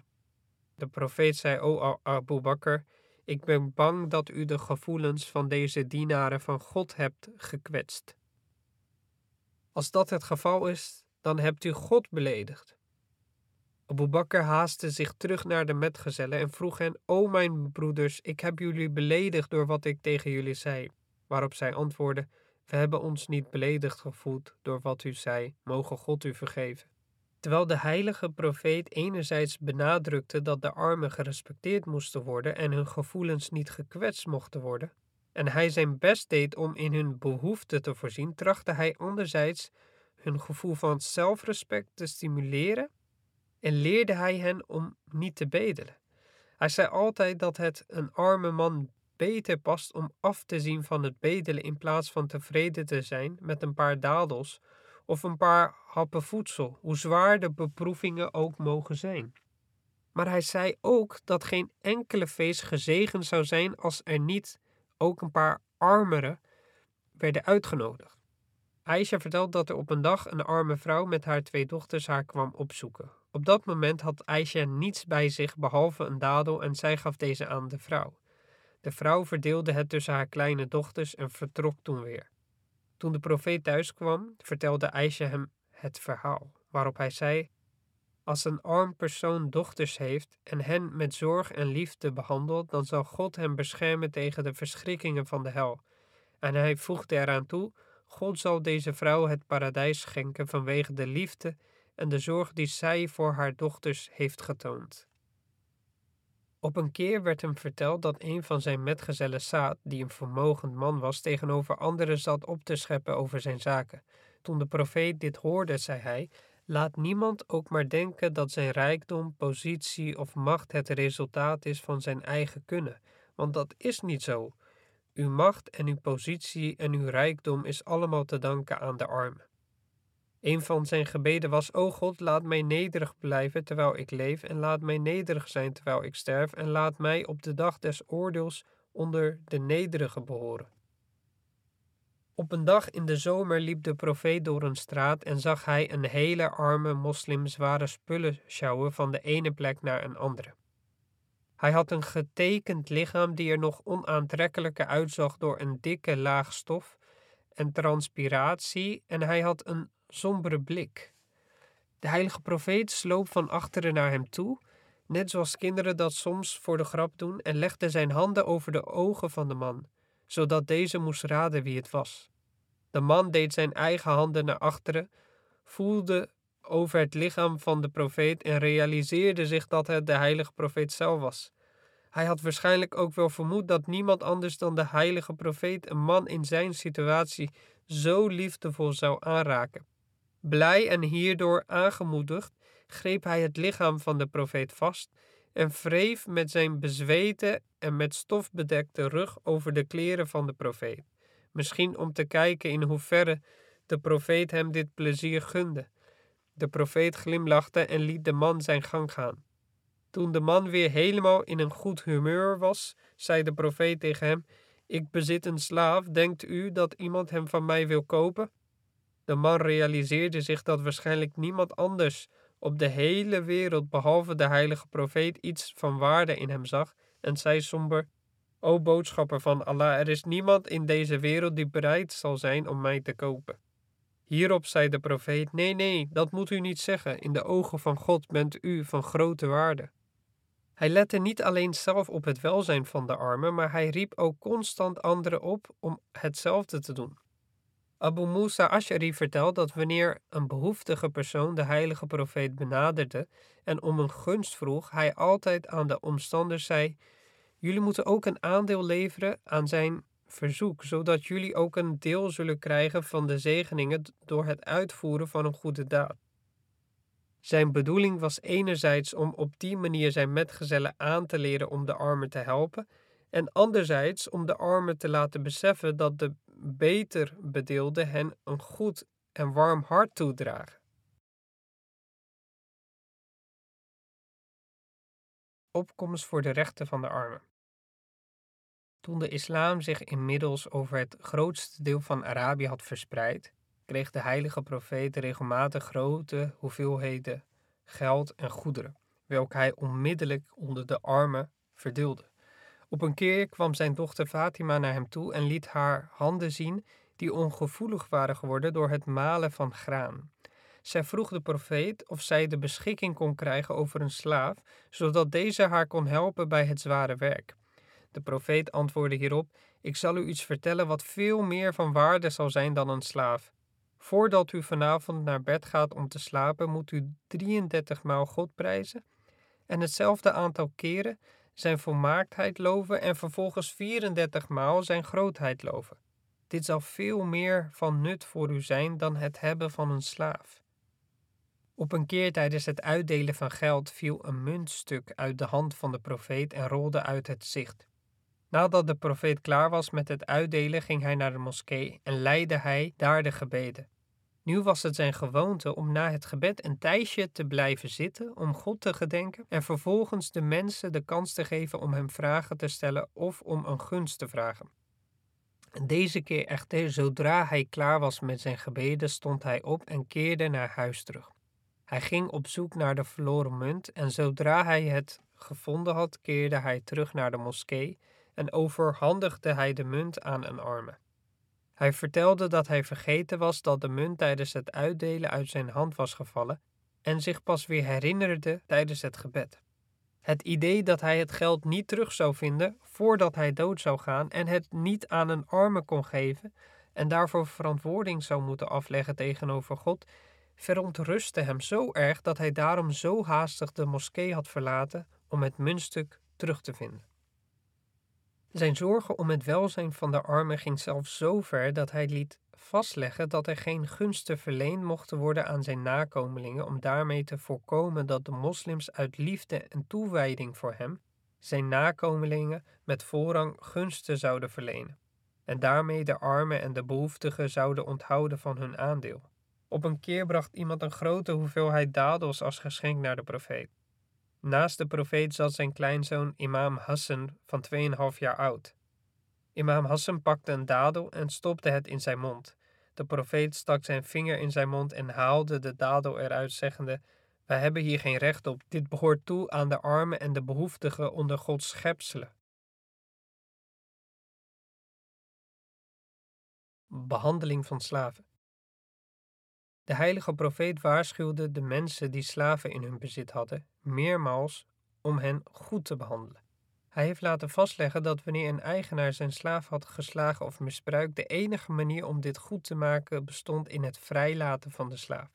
De heilige profeet greep elk middel aan om methoden te bedenken om slaven vrij te krijgen en moedigde hierin ook anderen aan. Hij zei: Als een persoon zijn slaaf vrijlaat, dan zal God ter compensatie zijn lichaam redden van de verschrikkingen van de hel. Opnieuw liet hij vastleggen dat een slaaf alleen gevraagd mocht worden werk te verrichten die hij gemakkelijk aankon. En wanneer de slaaf een taak uitvoerde, dan moest zijn meester hem zodanig helpen dat het werk door de slaaf niet als vernederend of minder waardig werd ervaren. Als een meester op reis ging en werd vergezeld door een slaaf, dan was het zijn plicht om de bagage samen te dragen of om dit om de beurt te doen en elkaar af te wisselen.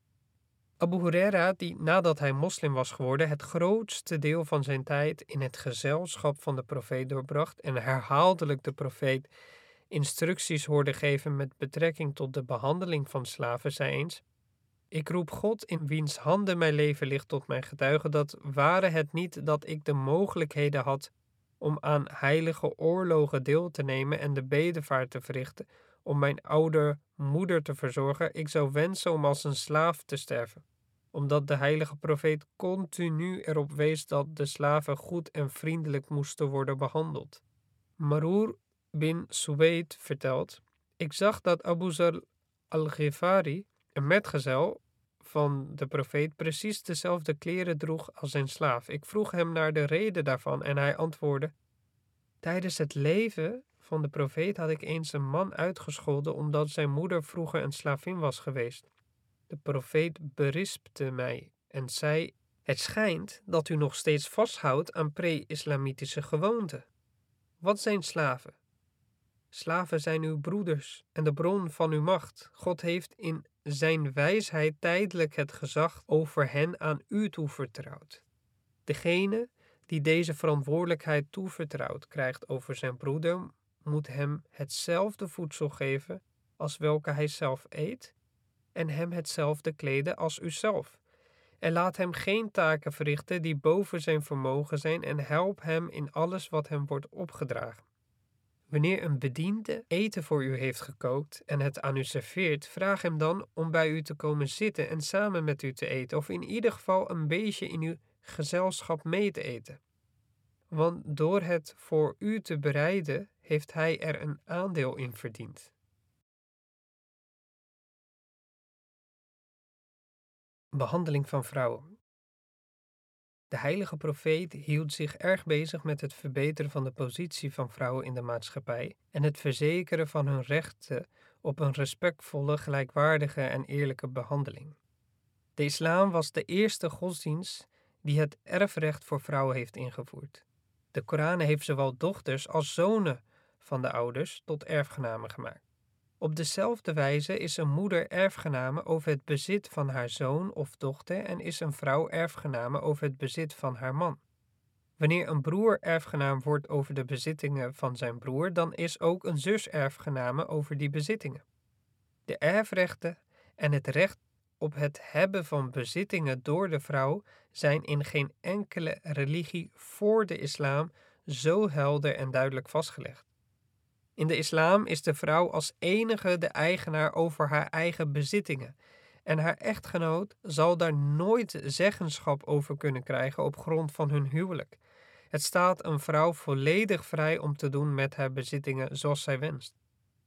De heilige profeet was zo zorgvuldig met betrekking tot de vriendelijke behandeling van vrouwen, dat degenen om hem heen die het niet gewend waren om hun vrouwen te zien als hun echtgenoten of partners, het moeilijk vonden om dezelfde maatstaven toe te passen op zichzelf als die waaraan de profeet zoveel aandacht aan schonk en wilde dat deze door iedereen werd toegepast en onderhouden.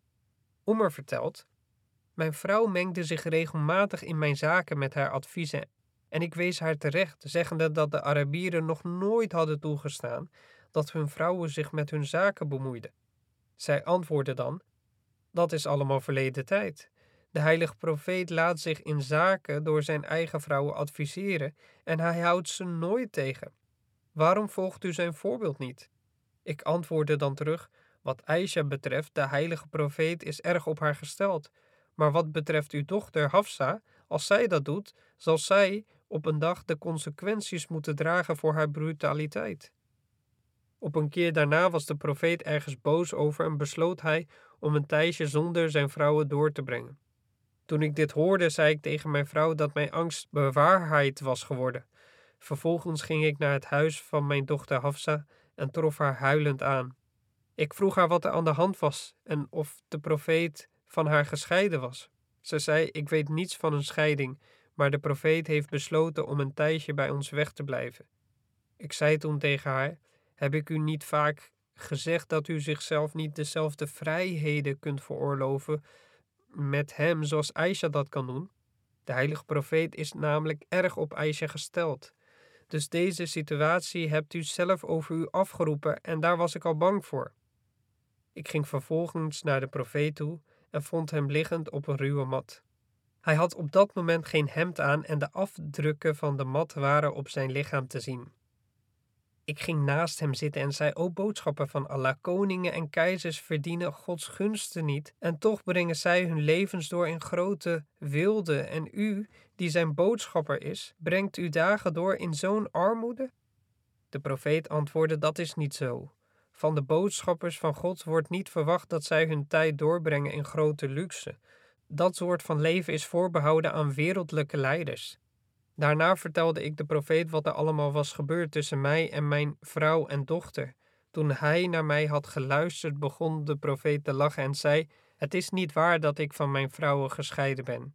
Ik vond het alleen even zinvol om wat tijd alleen zonder mijn vrouwen door te brengen.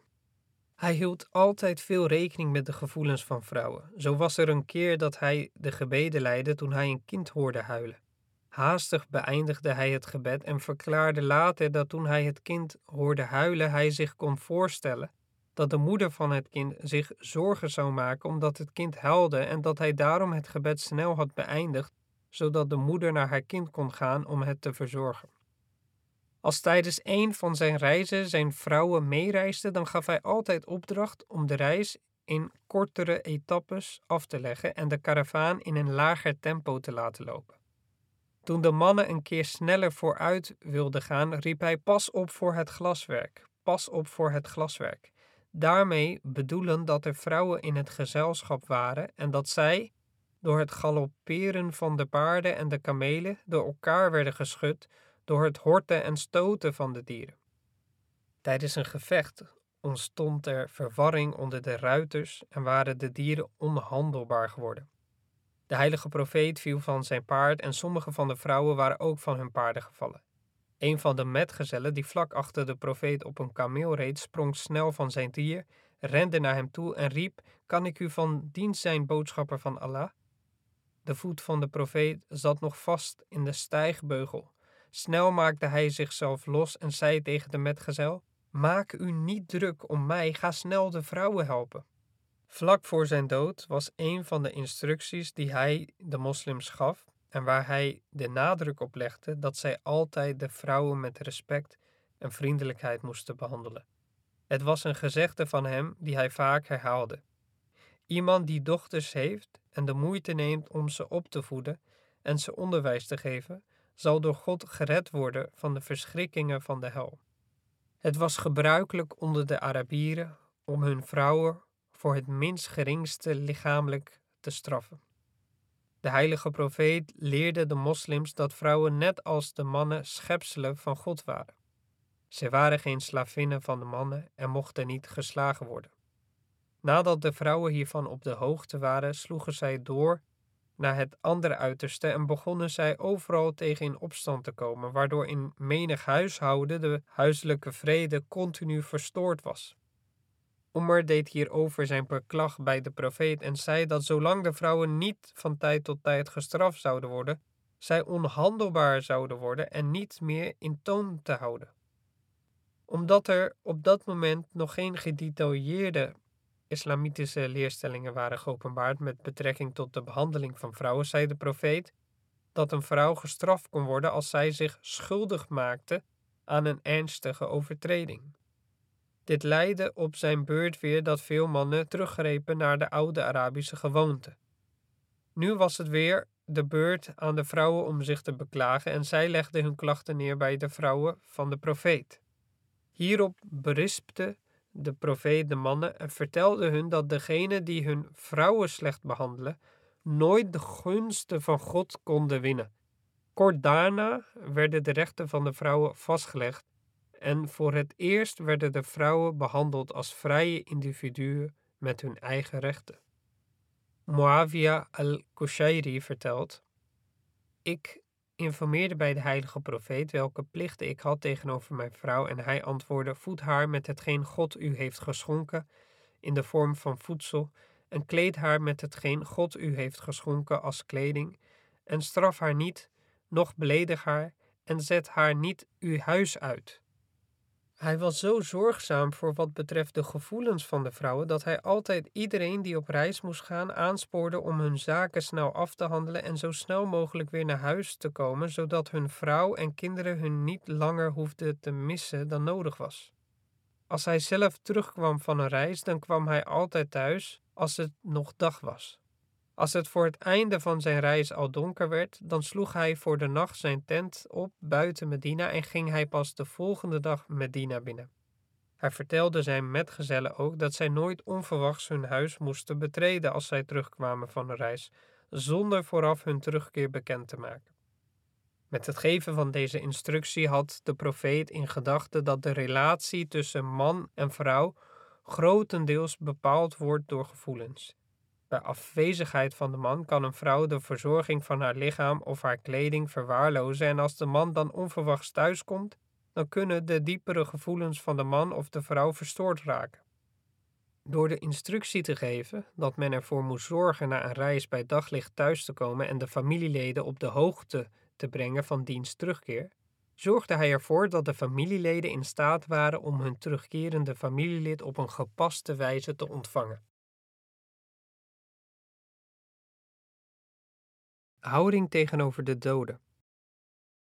De heilige profeet vond het belangrijk dat iedereen zijn zaken liet vastleggen in een testament om te voorkomen dat na een overlijden de achtergebleven familie in de problemen zou kunnen raken.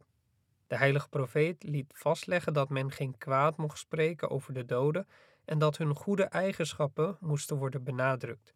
Niemand is ermee gebaat als men de zwakheden of tekortkomingen van een overledene aanhaalt terwijl het benadrukken van iemands goede kwaliteiten de mensen kan aansporen om voor de overledene te bidden. De heilige profeet stond erop dat eventuele schulden van een overledene betaald moesten zijn voordat hij begraven werd. Heel vaak zorgde de profeet er zelf voor dat de schulden betaald werden. Maar als hij daartoe niet in staat was, dan spoorde hij de erfgenamen, familie of anderen aan om dit te doen.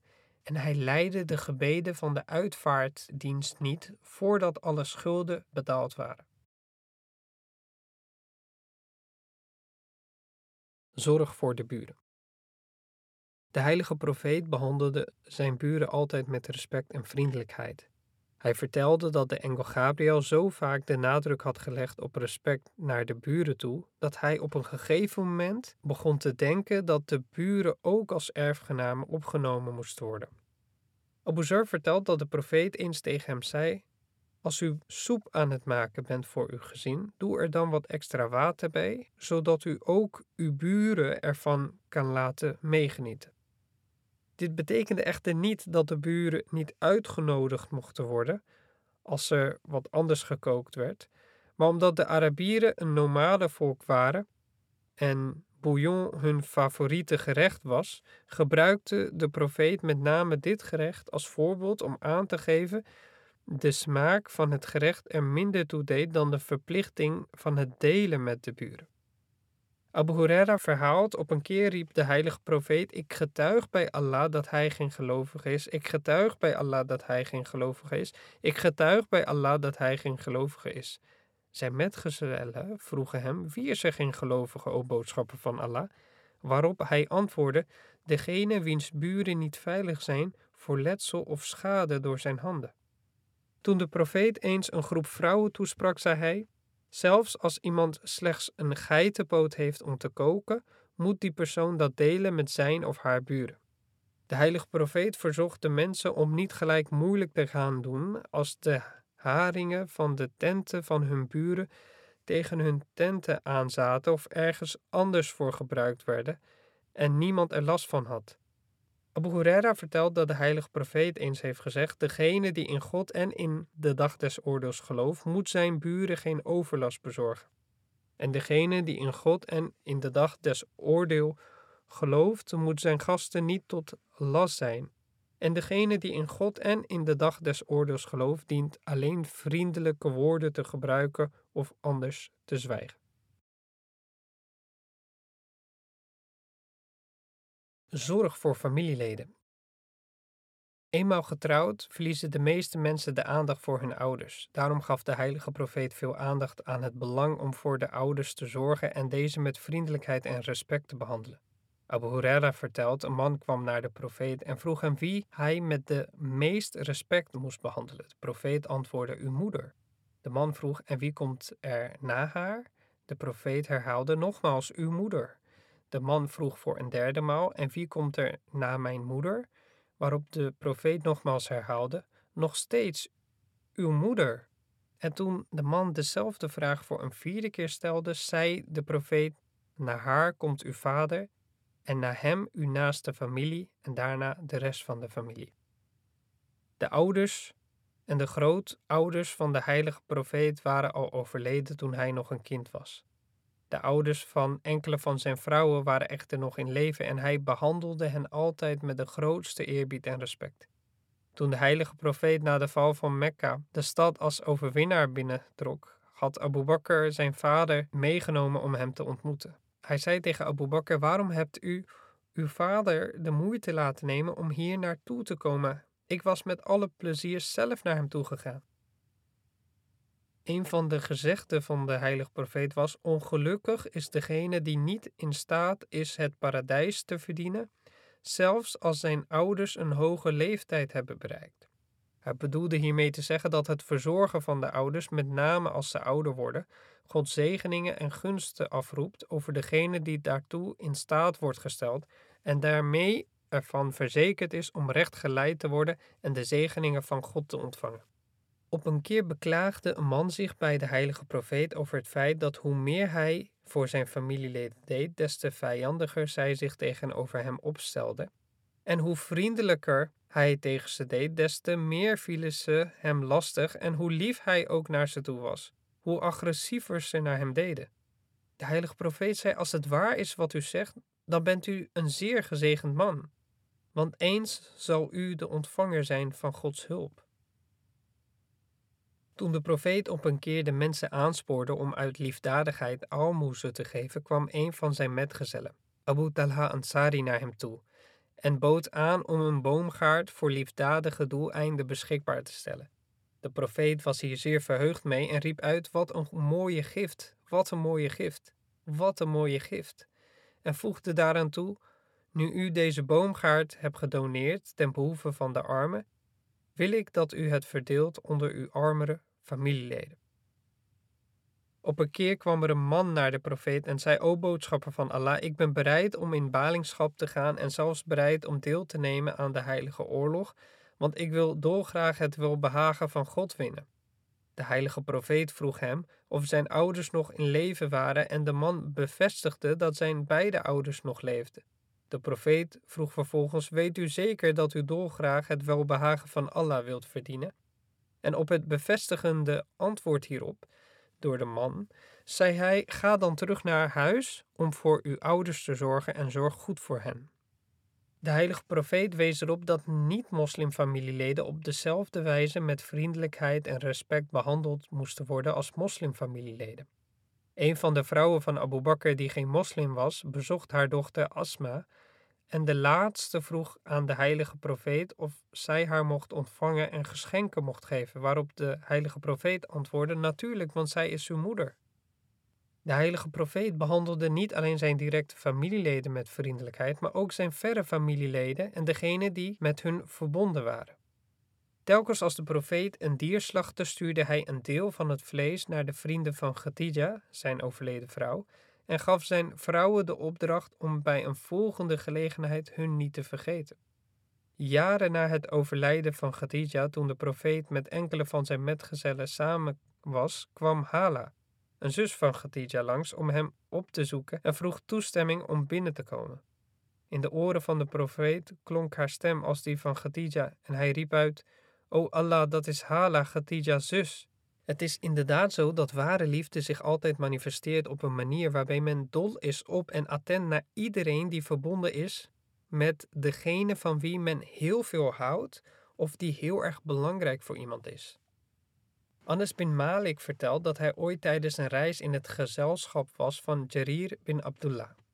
En het viel hem op dat deze zich gedroeg als een bediende die voor zijn meester zorgde omdat Jarir bin Abdullah ouder was dan Anas, voelde hij zich hierdoor in verlegenheid gebracht en hij protesteerde hierover bij Jarir, zeggende dat hij zich niet zo moest gedragen. Jarir antwoordde: Ik heb gezien met hoeveel toewijding de Ansar voor de heilige profeet zorgen. Ik ben zo onder de indruk van hun liefde en toewijding voor de heilige profeet dat ik mezelf heb beloofd dat wanneer ik ooit in het gezelschap ben van een Ansari, ik hen zal dienen als een dienaar. Ik probeer mij belofte te vervullen en probeer me daar niet van af te houden. Deze gebeurtenis bevestigt dat wanneer iemand heel veel om iemand anders geeft, zijn liefde zich ook uitstrekt tot degene die dicht bij die persoon staan. Op dezelfde wijze zullen degenen die goed zorgen voor hun ouders altijd zorgzaam en eerbiedig zijn naar de mensen met wie de ouders een goede relatie hebben. Tijdens een samenkomst vertelde de heilige profeet dat het eerbiedigen van de vrienden van een vader als een van de hoogste vormen van deugdzaamheid wordt beschouwd. Onder de toehoorders bevond zich Abdullah bin Umar. Jaren later, tijdens de bedevaart, ontmoette hij een Bedouin en gaf hem zijn eigen paard en zijn tulband cadeau. Een van zijn reisgenoten zag dit en zei dat hij wel heel erg vrijgevig was, omdat een Bedouin zelfs met heel weinig al tevreden was. Abdullah bin Umar antwoordde hierop: Deze man was een vriend van mijn vader. En ik heb de heilige profeet horen zeggen dat het een van de grootste deugden is om de vrienden van uw vader te respecteren.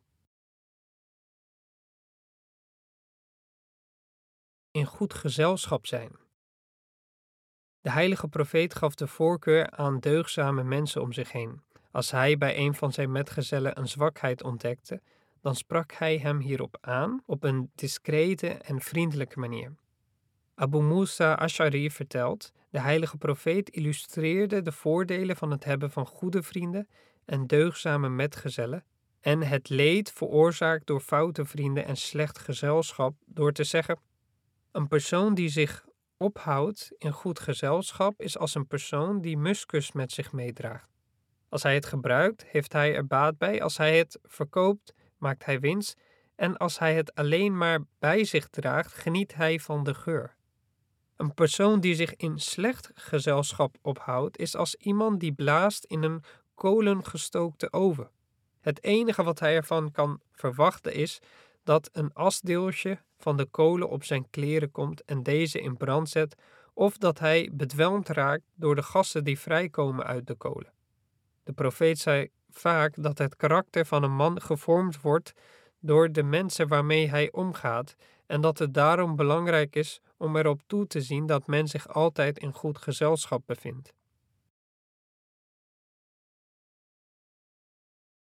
Waken over het geloof van mensen. De heilige profeet was er altijd op bedacht om mogelijke misverstanden te voorkomen. Op een keer kwam zijn vrouw Safia hem opzoeken in de moskee. Toen het tijd werd om naar huis te gaan, was het inmiddels donker geworden en besloot de heilige profeet met haar mee te gaan. Onderweg kwamen zij twee mannen tegen en om te voorkomen dat de mannen zouden gaan gissen met wie hij in gezelschap was, hield hij hen tegen, tilde de sluier van het gezicht van zijn vrouw en zei: Kijk, dit is mijn vrouw Safia. O boodschapper van Allah, hoe komt u erbij dat wij ook maar iets slechts over u zouden denken? De heilige profeet antwoordde hierop: Satan, oftewel de slechte gedachte, stroomt vaak door iemands bloed. Ik wilde er zeker van zijn dat jullie geloof er niet door beïnvloed zou worden. Fouten van anderen door de vingers zien. De heilige profeet liet zich in het openbaar nooit uit over de fouten en tekortkomingen van anderen. En hij moedigde de mensen aan om niet over hun eigen fouten te spreken. Hij zei: Als een persoon de fouten van een ander verbergt, dan zal God op de dag des oordeel zijn fouten verbergen. En verder zei hij: Elk van mijn volgelingen kan onder de gevolgen van zijn fouten uitkomen, dat wil zeggen door oprechte spijt en hervorming, behalve degene die maar over hun eigen fouten blijven praten. Ter illustratie hiervan vertelde hij het volgende: Een man had in de avond een zonde begaan en God verhulde deze zonde. De volgende ochtend ontmoette de man zijn vrienden en schepte tegenover hen op wat hij die avond allemaal had gedaan, waarmee hij zelf blootgaf wat God verborgen had gehouden. Sommige mensen denken onterecht dat brouwtonen gebaat is bij het bekennen van zonde. De waarheid echter is dat dit alleen maar onzedelijkheid bevordert. Zonde is een kwaad en wie erin verstrikt raakt en daardoor gebukt gaat onder schuld en schaamte, heeft een kans om door middel van berouw terug te keren op het pad van rechtvaardigheid en zuiverheid. Zijn geval is als van iemand die verleid is door het kwaad, maar achtervolgd wordt door rechtschapenheid, en zodra zich een kans voordoet, wordt het kwaad overwonnen en keert de zondaar terug onder de rechtvaardigen. Op dezelfde manier zullen degenen die trots zijn op hun zonde en hierover hun gevoel voor goed en kwaad volledig verliezen en ongevoelig worden voor berouw. Op een keer kwam er een man naar de heilige profeet toe en zei: Ik heb mij schuldig gemaakt aan overspel. Als die met duidelijk bewijs wordt bewezen, is het binnen de islam een zonde die strafbaar is. Nadat de profeet zijn bekentenis had aangehoord, wendde hij zich van de persoon af en ging iets anders doen. Hij bedoelde hiermee aan te geven dat de enige juiste remedie hiervoor het tonen van oprechte berouw was en niet een publieke bekentenis. De man had dit echter niet door en dacht dat de heilige profeet hem niet gehoord had. Hij ging nogmaals voor de profeet staan en herhaalde zijn bekentenis. De heilige profeet op zijn beurt keerde zich weer van de man af waarop de man weer voor de profeet ging staan en nogmaals zijn bekentenis aflegde. Toen de man dit voor de vierde maal deed, zei de profeet: Ik wenste dat deze man zijn bekentenis niet had gedaan voordat God mij in deze kwestie had geïnstrueerd. Maar aangezien de man tot viermaal toe zijn bekentenis heeft gedaan, ben ik verplicht om hierop te reageren. Vervolgens zei hij: Deze man heeft zijn eigen zonde bekend en is niet door de betrokken vrouw beschuldigd. De vrouw moet worden ondervraagd en als zij verklaart onschuldig te zijn, mag zij niet gestraft worden. In dat geval moet alleen de man gestraft worden omdat hij bekend heeft schuldig te zijn. Als de vrouw echter wel schuld bekent, dan moet zij ook gestraft worden. Het was de gewoonte van de heilige profeet om hierin de wetten van de Torah te volgen, zolang de Koran hierover zweeg. Aangezien de Torah als straf voor overspel de dood door steniging voorschreef, sprak de profeet dien overeenkomstig het vonnis uit. Toen het vonnis voltrokken moest worden, probeerde de man te vluchten, maar de omstanders hielden hem tegen en voerden alsnog het vonnis uit. Toen de profeet dit hoorde, keurde hij het gebeuren ten zeerste af. Hij zei dat de man veroordeeld was als gevolg van zijn eigen bekentenis.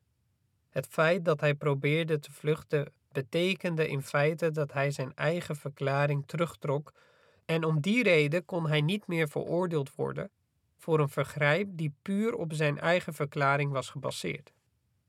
De profeet heeft laten vastleggen dat de sharia alleen betrekking heeft op het gedrag van de mens en niet over zijn intentie. Tijdens een oorlog liep een groep moslims tegen een niet-moslim aan die zich verdekt had opgesteld op een afgelegen plek. Hij was daar om elke moslim die langsliep te overmeesteren en te doden. Nu echter werd hij door Osama bin Zaid achtervolgd en toen deze hem had overmeesterd, trok Osama bin Zaid zijn zwaard om hem te doden. Toen de man doorhad dat hij op geen enkele wijze meer kon ontsnappen, begon hij het eerste deel van de moslim geloofsbeleidenis op te zeggen, namelijk er is niemand anders aanbiddingswaardig behalve Allah. Hiermee aangevende dat hij de islam had geaccepteerd. Usama schonk hier geen aandacht aan en doodde hem. Toen dit voorval samen met andere voorvallen gedurende deze actie aan de heilige profeet werd gerapporteerd, liet hij Usama bij zich komen en ondervroeg hem. Nadat Usama bevestigde wat er was voorgevallen, zei de profeet: Wat zal er met u gebeuren op de dag des oordeels als zijn geloofsbeleidenis als getuige in zijn voordeel zal worden gebruikt? Usama antwoordde: O boodschapper van Allah, die man was een moordenaar van moslims en het feit dat hij zichzelf een moslim verklaarde was enkel een list om onder zijn veroordeling uit te komen. De profeet bleef echter herhalen: Wat zal er met u gebeuren op de dag des oordeels als zijn geloofsbeleidenis als bewijs tegen u zal worden gebruikt? Daarmee bedoelend dat Osama verantwoordelijk zou worden gehouden voor de dood van de man. Hoewel de man schuldig was aan het doden van moslims, was het uitspreken van de geloofsbeleidenis een teken dat hij berouw toonde voor zijn daden. Osama protesteerde hiertegen en zei dat het uitspreken van de geloofsbeleidenis slechts was gedaan uit angst om gedood te worden en niet uit berouw. Hierop vroeg de profeet: Hebt u in zijn hart gekeken om te zien of hij de waarheid sprak? om vervolgens weer te herhalen: Wat zal uw antwoord op de dag des oordeels zijn als zijn geloofsbeleidenis zal worden aangehaald als bewijs tegen u? Osama zei: Nadat ik de profeet dit zo vaak had horen herhalen, wenste ik dat ik op dat moment pas moslim zou zijn geworden en daardoor niet schuldig zou worden bevonden aan hetgeen waarvoor ik nu word aangeklaagd. De heilige profeet was altijd bereid om de fouten en misdaden van de mensen te vergeven. Een van de personen die betrokken was bij de lastencampagne tegen zijn vrouw Aisha was voor zijn levensonderhoud afhankelijk van de liefdadigheid van Abu Bakr, Aisha's vader. Toen duidelijk werd dat de beschuldigingen tegen Aisha een leugen was, stopte Abu Bakr met zijn hulp aan deze man. Dit op zich was al een bewijs van Abu Bakrs rustige en bewonderswaardige terughoudendheid. Elk ander persoon zou een onderhorige die zijn dochter in discrediet had gebracht tot in het oneindige hebben vervolgd. Toen de profeet erachter kwam wat Abu Bakr had gedaan, sprak hij hem aan en legde uit dat, hoewel de man fout zat, het een man als Abu Bakr niet paste om niet meer in zijn levensonderhoud te voorzien, puur op grond van de begane misdaad. Hierop hervatte Abu Bakr zijn hulp aan de man.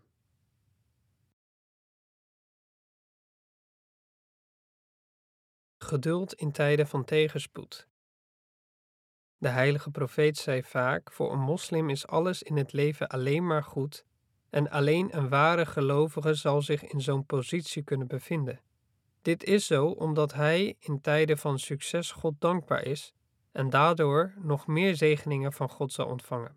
Aan de andere kant, als hij pijn lijdt of zware beproevingen ondergaat, dan draagt hij deze met geduld, waardoor hij weer in de gunst komt voor Gods zegeningen.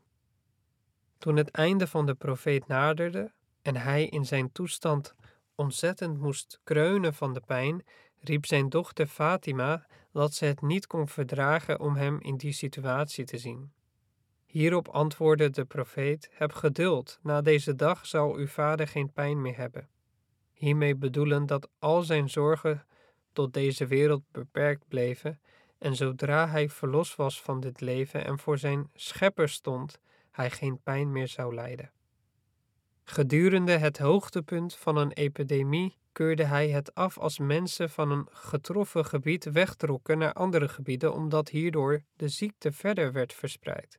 De profeet zei dat iedereen die achterbleef, om op die manier te voorkomen dat de besmetting zich verder uitbreidde naar andere gebieden en vervolgens als gevolg van de ziekte overleed, zou worden gezien als een martelaar.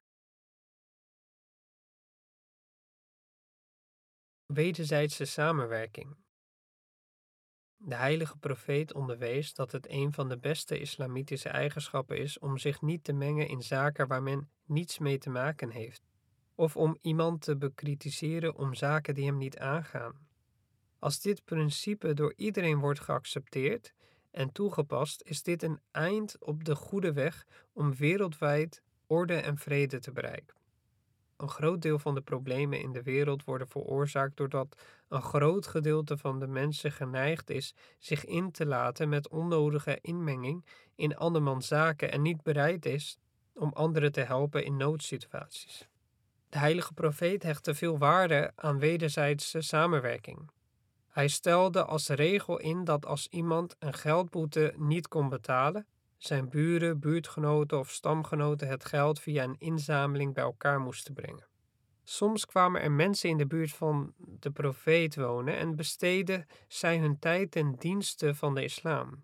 De profeet ging altijd met hun familie in overleg om ervoor te zorgen dat zij op bescheiden schaal in hun levensonderhoud konden voorzien. Het is door Annes opgetekend dat in de tijd van de heilige profeet twee broers de islam hadden geaccepteerd. Een van hen bleef bij de profeet achter, terwijl de andere weer aan het werk ging. Op een gegeven moment kwam de laatste zijn beklag doen bij de profeet over zijn broer, die in zijn ogen zijn tijd verdeed met niets doen. De heilige profeet zei: God voorziet in uw levensonderhoud ook te willen van uw broer. En het is daarom uw taak om ook voor uw broer te zorgen en hem de gelegenheid te geven zijn godsdienst te beleiden. Gedurende een keer op reis arriveerde de heilige profeet met zijn reisgezelschap op de plaats van bestemming. Zodra ze aankwamen, gingen alle metgezellen meteen aan de slag om voorbereidingen te maken voor de nacht. De heilige profeet merkte op dat hem geen enkele taak was toebedeeld en zei dat hij hout ging sprokkelen zodat er vuur gemaakt kon worden om te koken. Zijn metgezellen protesteerden en zeiden: O profeet van Allah, waarom zou u zich bezig moeten houden met zulke taken als wij er zijn om dat te doen? Waarop hij zei: Nee, nee, ik moet ook mijn aandeel hebben in de werkzaamheden. Waarop hij hout ging zoeken in het bos om een vuur te kunnen maken voor het eten. Betrouwbaarheid. Zoals bekend was de heilige profeet zo strikt wat eerlijkheid betreft, dat hij onder zijn volk bekend stond als de betrouwbare en de ware. Hij vond het zeer belangrijk dat de moslim dezelfde normen van eerlijkheid aanhielden zoals hij zelf deed. Hij beschouwde eerlijkheid als de basis van alle deugden, van vriendelijkheid en van goed gedrag. Hij leerde de mensen dat een betrouwbaar persoon iemand is die zo doordrongen is van de waarheid dat hij zelfs door God wordt gerangschikt onder de betrouwbare. Op een keer werd een gevangene voor de heilige profeet gebracht die schuldig was aan de moord van vele moslims. Omar, die ook aanwezig was, vond dat de man de doodstraf meer dan verdiend had en keek regelmatig naar de profeet, verwachtende dat de profeet op elk moment de doodstraf zou uitspreken. Nadat de profeet de man had vrijgelaten, bracht Omer naar voren dat de doodstraf de enige juiste straf was geweest voor deze man. De profeet antwoordde: Als dat zo is, waarom hebt u hem dan niet gedood? Waarop Omer antwoordde: O boodschapper van Allah, als u mij ook maar de kleinste hint had gegeven, al was het maar door met uw ogen te knipperen, had ik dat gedaan. Hierop zei de profeet: Een profeet handelt niet op een dubbelzinnige wijze. Hoe kan ik met mijn oog de doodstraf eisen terwijl ik met mijn tong vriendelijk naar hem ben? Op een keer kwam een man naar de heilige profeet en zei: O boodschapper van Allah, ik heb last van drie zonden: liegen, overmatig drinken en overspel. Ik heb van alles geprobeerd om ervan af te komen, maar niets helpt. Kunt u mij alstublieft zeggen wat ik moet doen? De profeet antwoordde: Als u plechtig belooft om één van de drie op te geven, dan garandeer ik u dat u ook van de andere twee verlost zult worden. De man beloofde dit en vroeg de profeet welke van de drie hij moest opgeven. De profeet zei: Geef het liegen op. Een tijd later kwam de man terug en vertelde aan de profeet dat hij zich aan zijn advies had gehouden en verlost was van alle drie de zonden. De profeet wilde precies horen hoe de man dit voor elkaar had gekregen. De man vertelde: Op een dag wilde ik me gaan bedrinken, maar dacht op dat moment aan mijn belofte aan u. Ik realiseerde mij dat ik niet meer tegen mijn vrienden kon liegen als ze zouden vragen of ik had gedronken. Het resultaat zou zijn dat ik een slechte reputatie zou krijgen onder mijn vrienden en dat ze mij zouden mijden. Dit overwegende besloot ik op een ander moment te drinken en kon ik de verleiding voor dat moment weerstaan. Toen ik in een situatie van overspel verzeild was geraakt, redeneerde ik op dezelfde manier en realiseerde ik me dat toegeven aan mijn zonde zou betekenen dat ik het aanzien bij mijn vrienden zou verliezen, ongeacht of ik daarover zou liegen en daarmee hun belofte aan u zou verbreken, of dat ik mijn zonde zou toegeven. Op deze wijze bleef ik maar vechten tegen mijn belofte aan u en mijn verlangen om toe te geven aan mijn zonde. Na enige tijd verloor ik de behoefte om te drinken of om overspel te plegen en heeft mijn belofte om niet meer te liegen mij ook van de andere twee afgeholpen.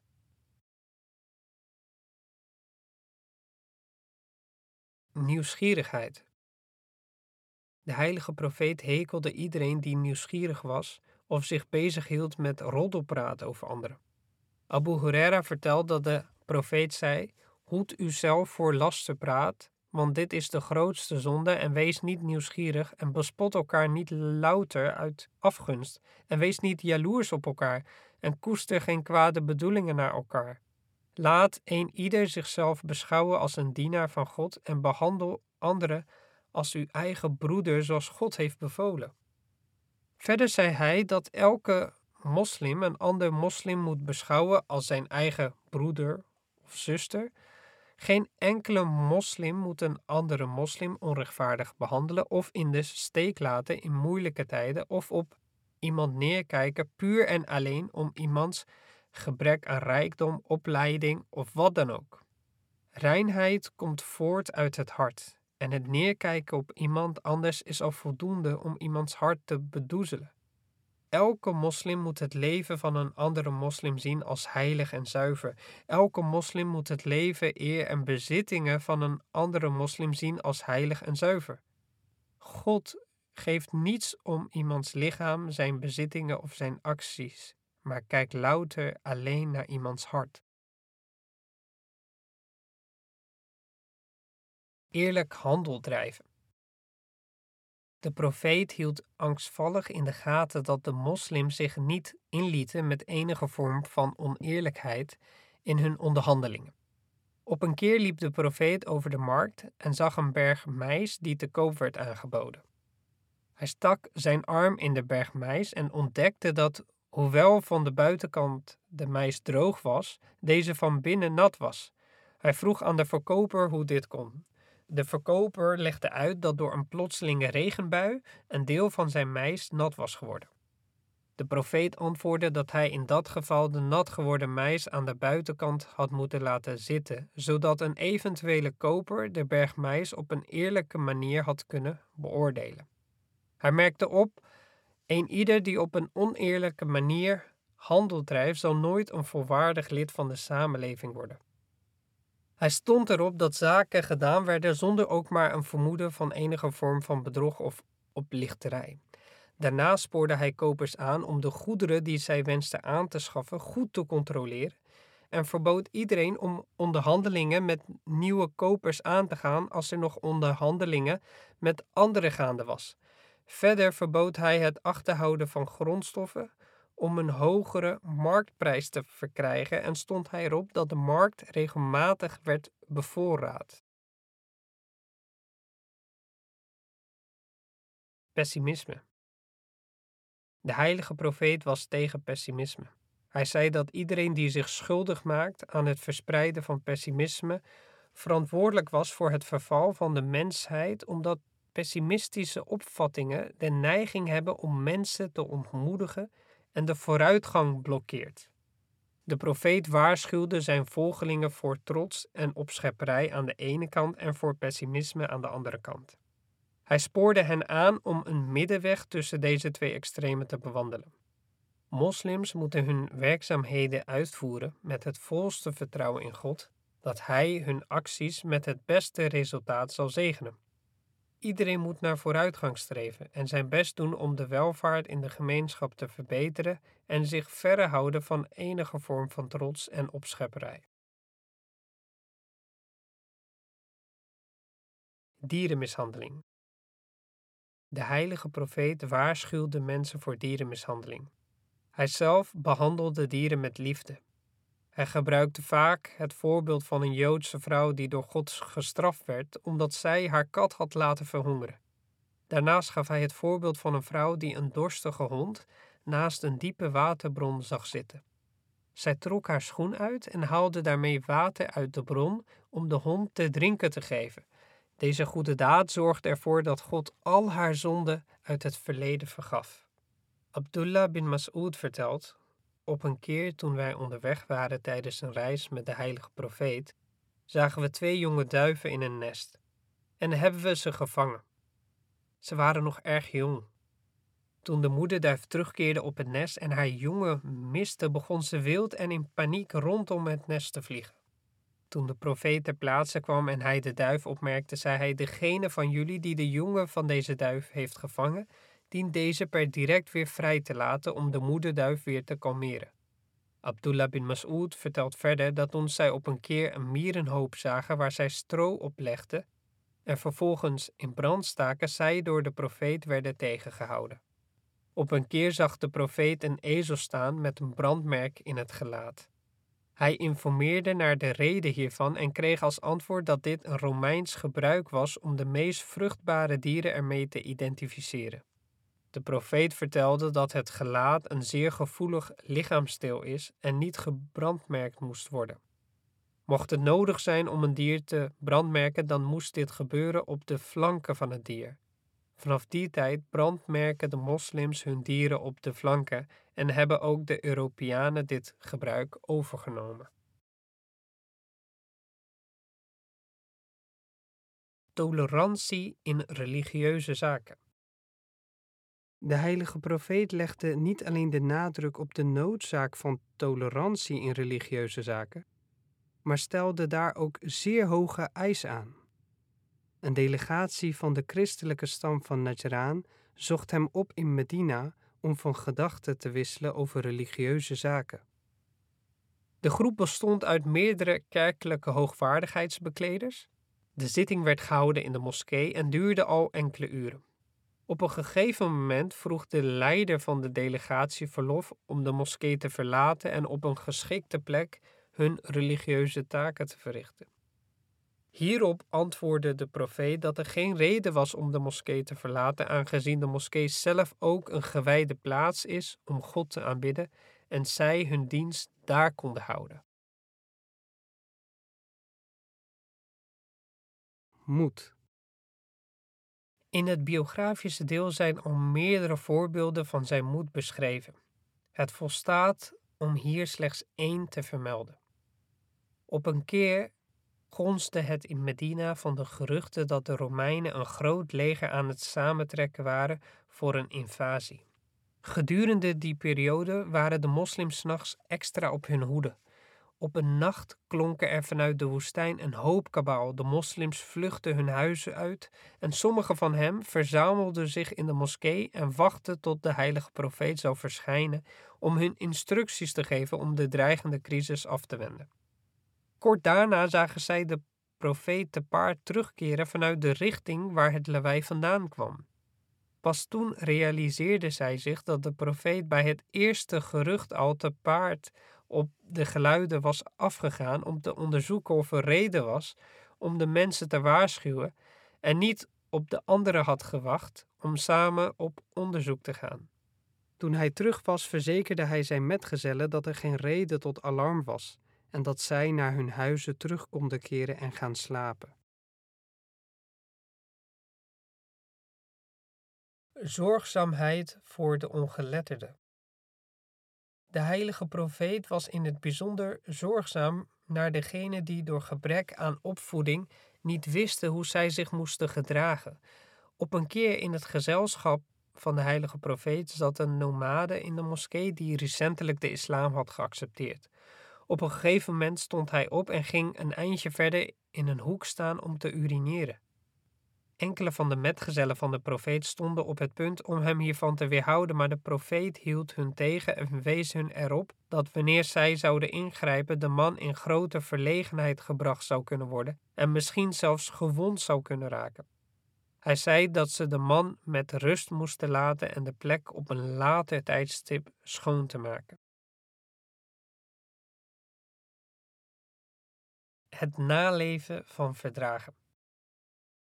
De heilige profeet was erg strikt in het naleven van verdragen.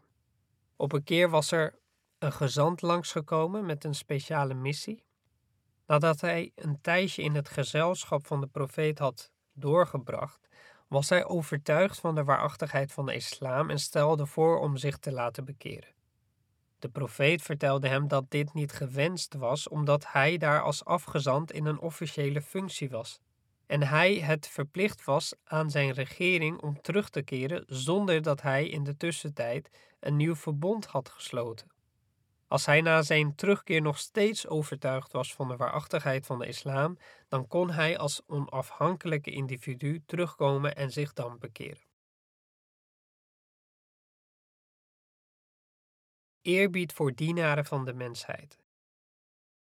De heilige profeet had erg veel eerbied voor degenen die hun tijd en bezittingen opofferden om de mensheid te helpen. Nadat de Banutai, een van de Arabische stammen, met hun vijandigheden waren begonnen tegen de profeet, werden zij in de daaropvolgende gevechten verslagen en waren enkele van hun gevangen genomen. Een van de gevangenen was de dochter van Hatimtai. Zijn vrijgevigheid was zelfs spreekwoordelijk geworden onder de Arabieren. Toen de dochter van Hatim de heilige profeet over haar ouders vertelde, behandelde hij haar met heel veel respect. En als gevolg van haar bemiddeling schold hij haar volk alle schulden kwijt die hun waren opgelegd vanwege de door hun begane vijandelijkheden. Het karakter van de heilige profeet is zo veelzijdig dat het onmogelijk is om deze afdoende in een paar bladzijden te beschrijven.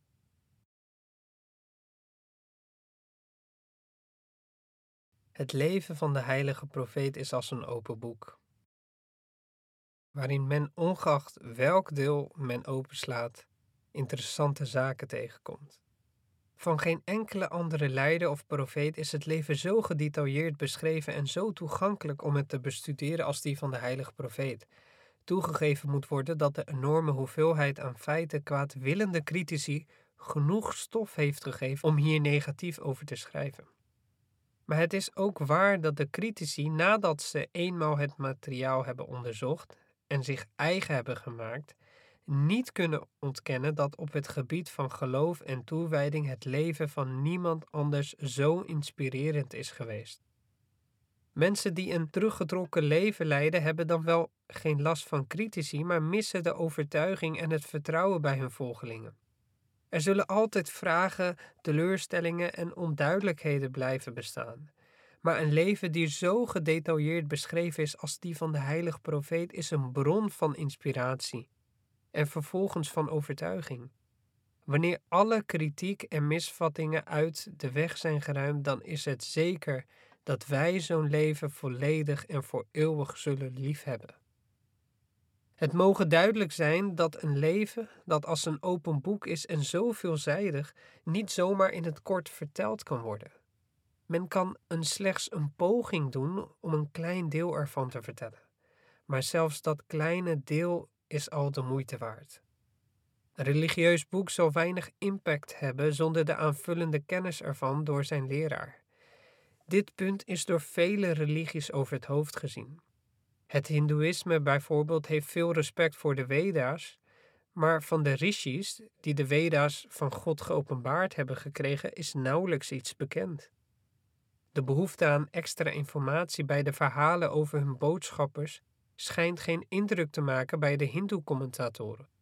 Aan de andere kant hebben de Joodse en christelijke wetenschappers niet geaarzeld om hun eigen profeten aan de kaak te stellen. Ze vergeten dat een openbaring die er niet slaagt om de ontvanger ervan op het rechte pad te houden, van weinig nut is voor anderen. Als de ontvanger onbetrouwbaar is, waarom heeft God hem dan uitgekozen? Was hij gedwongen om dat te doen? Geen van beide veronderstellingen zijn gegrond. Om te denken dat openbaringen niet in staat zijn om de ontvanger ervan op de rechte pad te houden, is net zo ongegrond als te denken dat God geen alternatieven heeft dan alleen incompetente ontvangers te kiezen voor sommige van zijn openbaringen. Toch hebben dit soort ideeën hun weg gevonden in verschillende godsdiensten. Misschien komt dat doordat de afstand tussen hen en hun stichter te groot is geworden, of omdat het menselijk intellect tot de komst van de islam nog niet in staat was om de dwaling van dit soort ideeën te doorzien. Hoe belangrijk en waardevol het is om een boek en zijn meester samen bij elkaar te houden, werd al zeer vroeg in de islam onderkend. Een van de toegewijde vrouwen van de heilige profeet was de jonge Aisha. Zij was dertien of veertien toen ze trouwde met de profeet. Hun huwelijk heeft ongeveer acht jaar geduurd.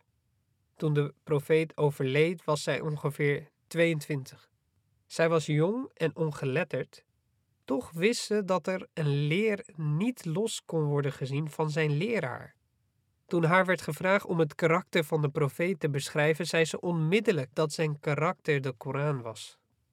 Wat hij deed, was wat de Koran leerde. Wat de Koran leerde, was niets anders dan wat hij deed. Het siert de profeet dat een ongeletterde jonge vrouw in staat is geweest om een waarheid te begrijpen die aan de aandacht van de Hindoeïstische, Joodse en christelijke wetenschappers is ontsnapt. In een kleine, scherpe zin vatte Aisha een grote en belangrijke waarheid samen. Voor een waarachtige en oprechte leraar is het onmogelijk om het ene te zeggen en het andere te doen, of om het ene te doen en het andere te zeggen. De heilige profeet was een waarachtige en oprechte leraar. Dat is wat Aisha onmiskenbaar wilde zeggen. Hij handelde naar wat hij predikte en predikte zoals hij handelde. Om hem te leren kennen moet men de Koran kennen. En om de Koran te leren kennen, moet men hem kennen.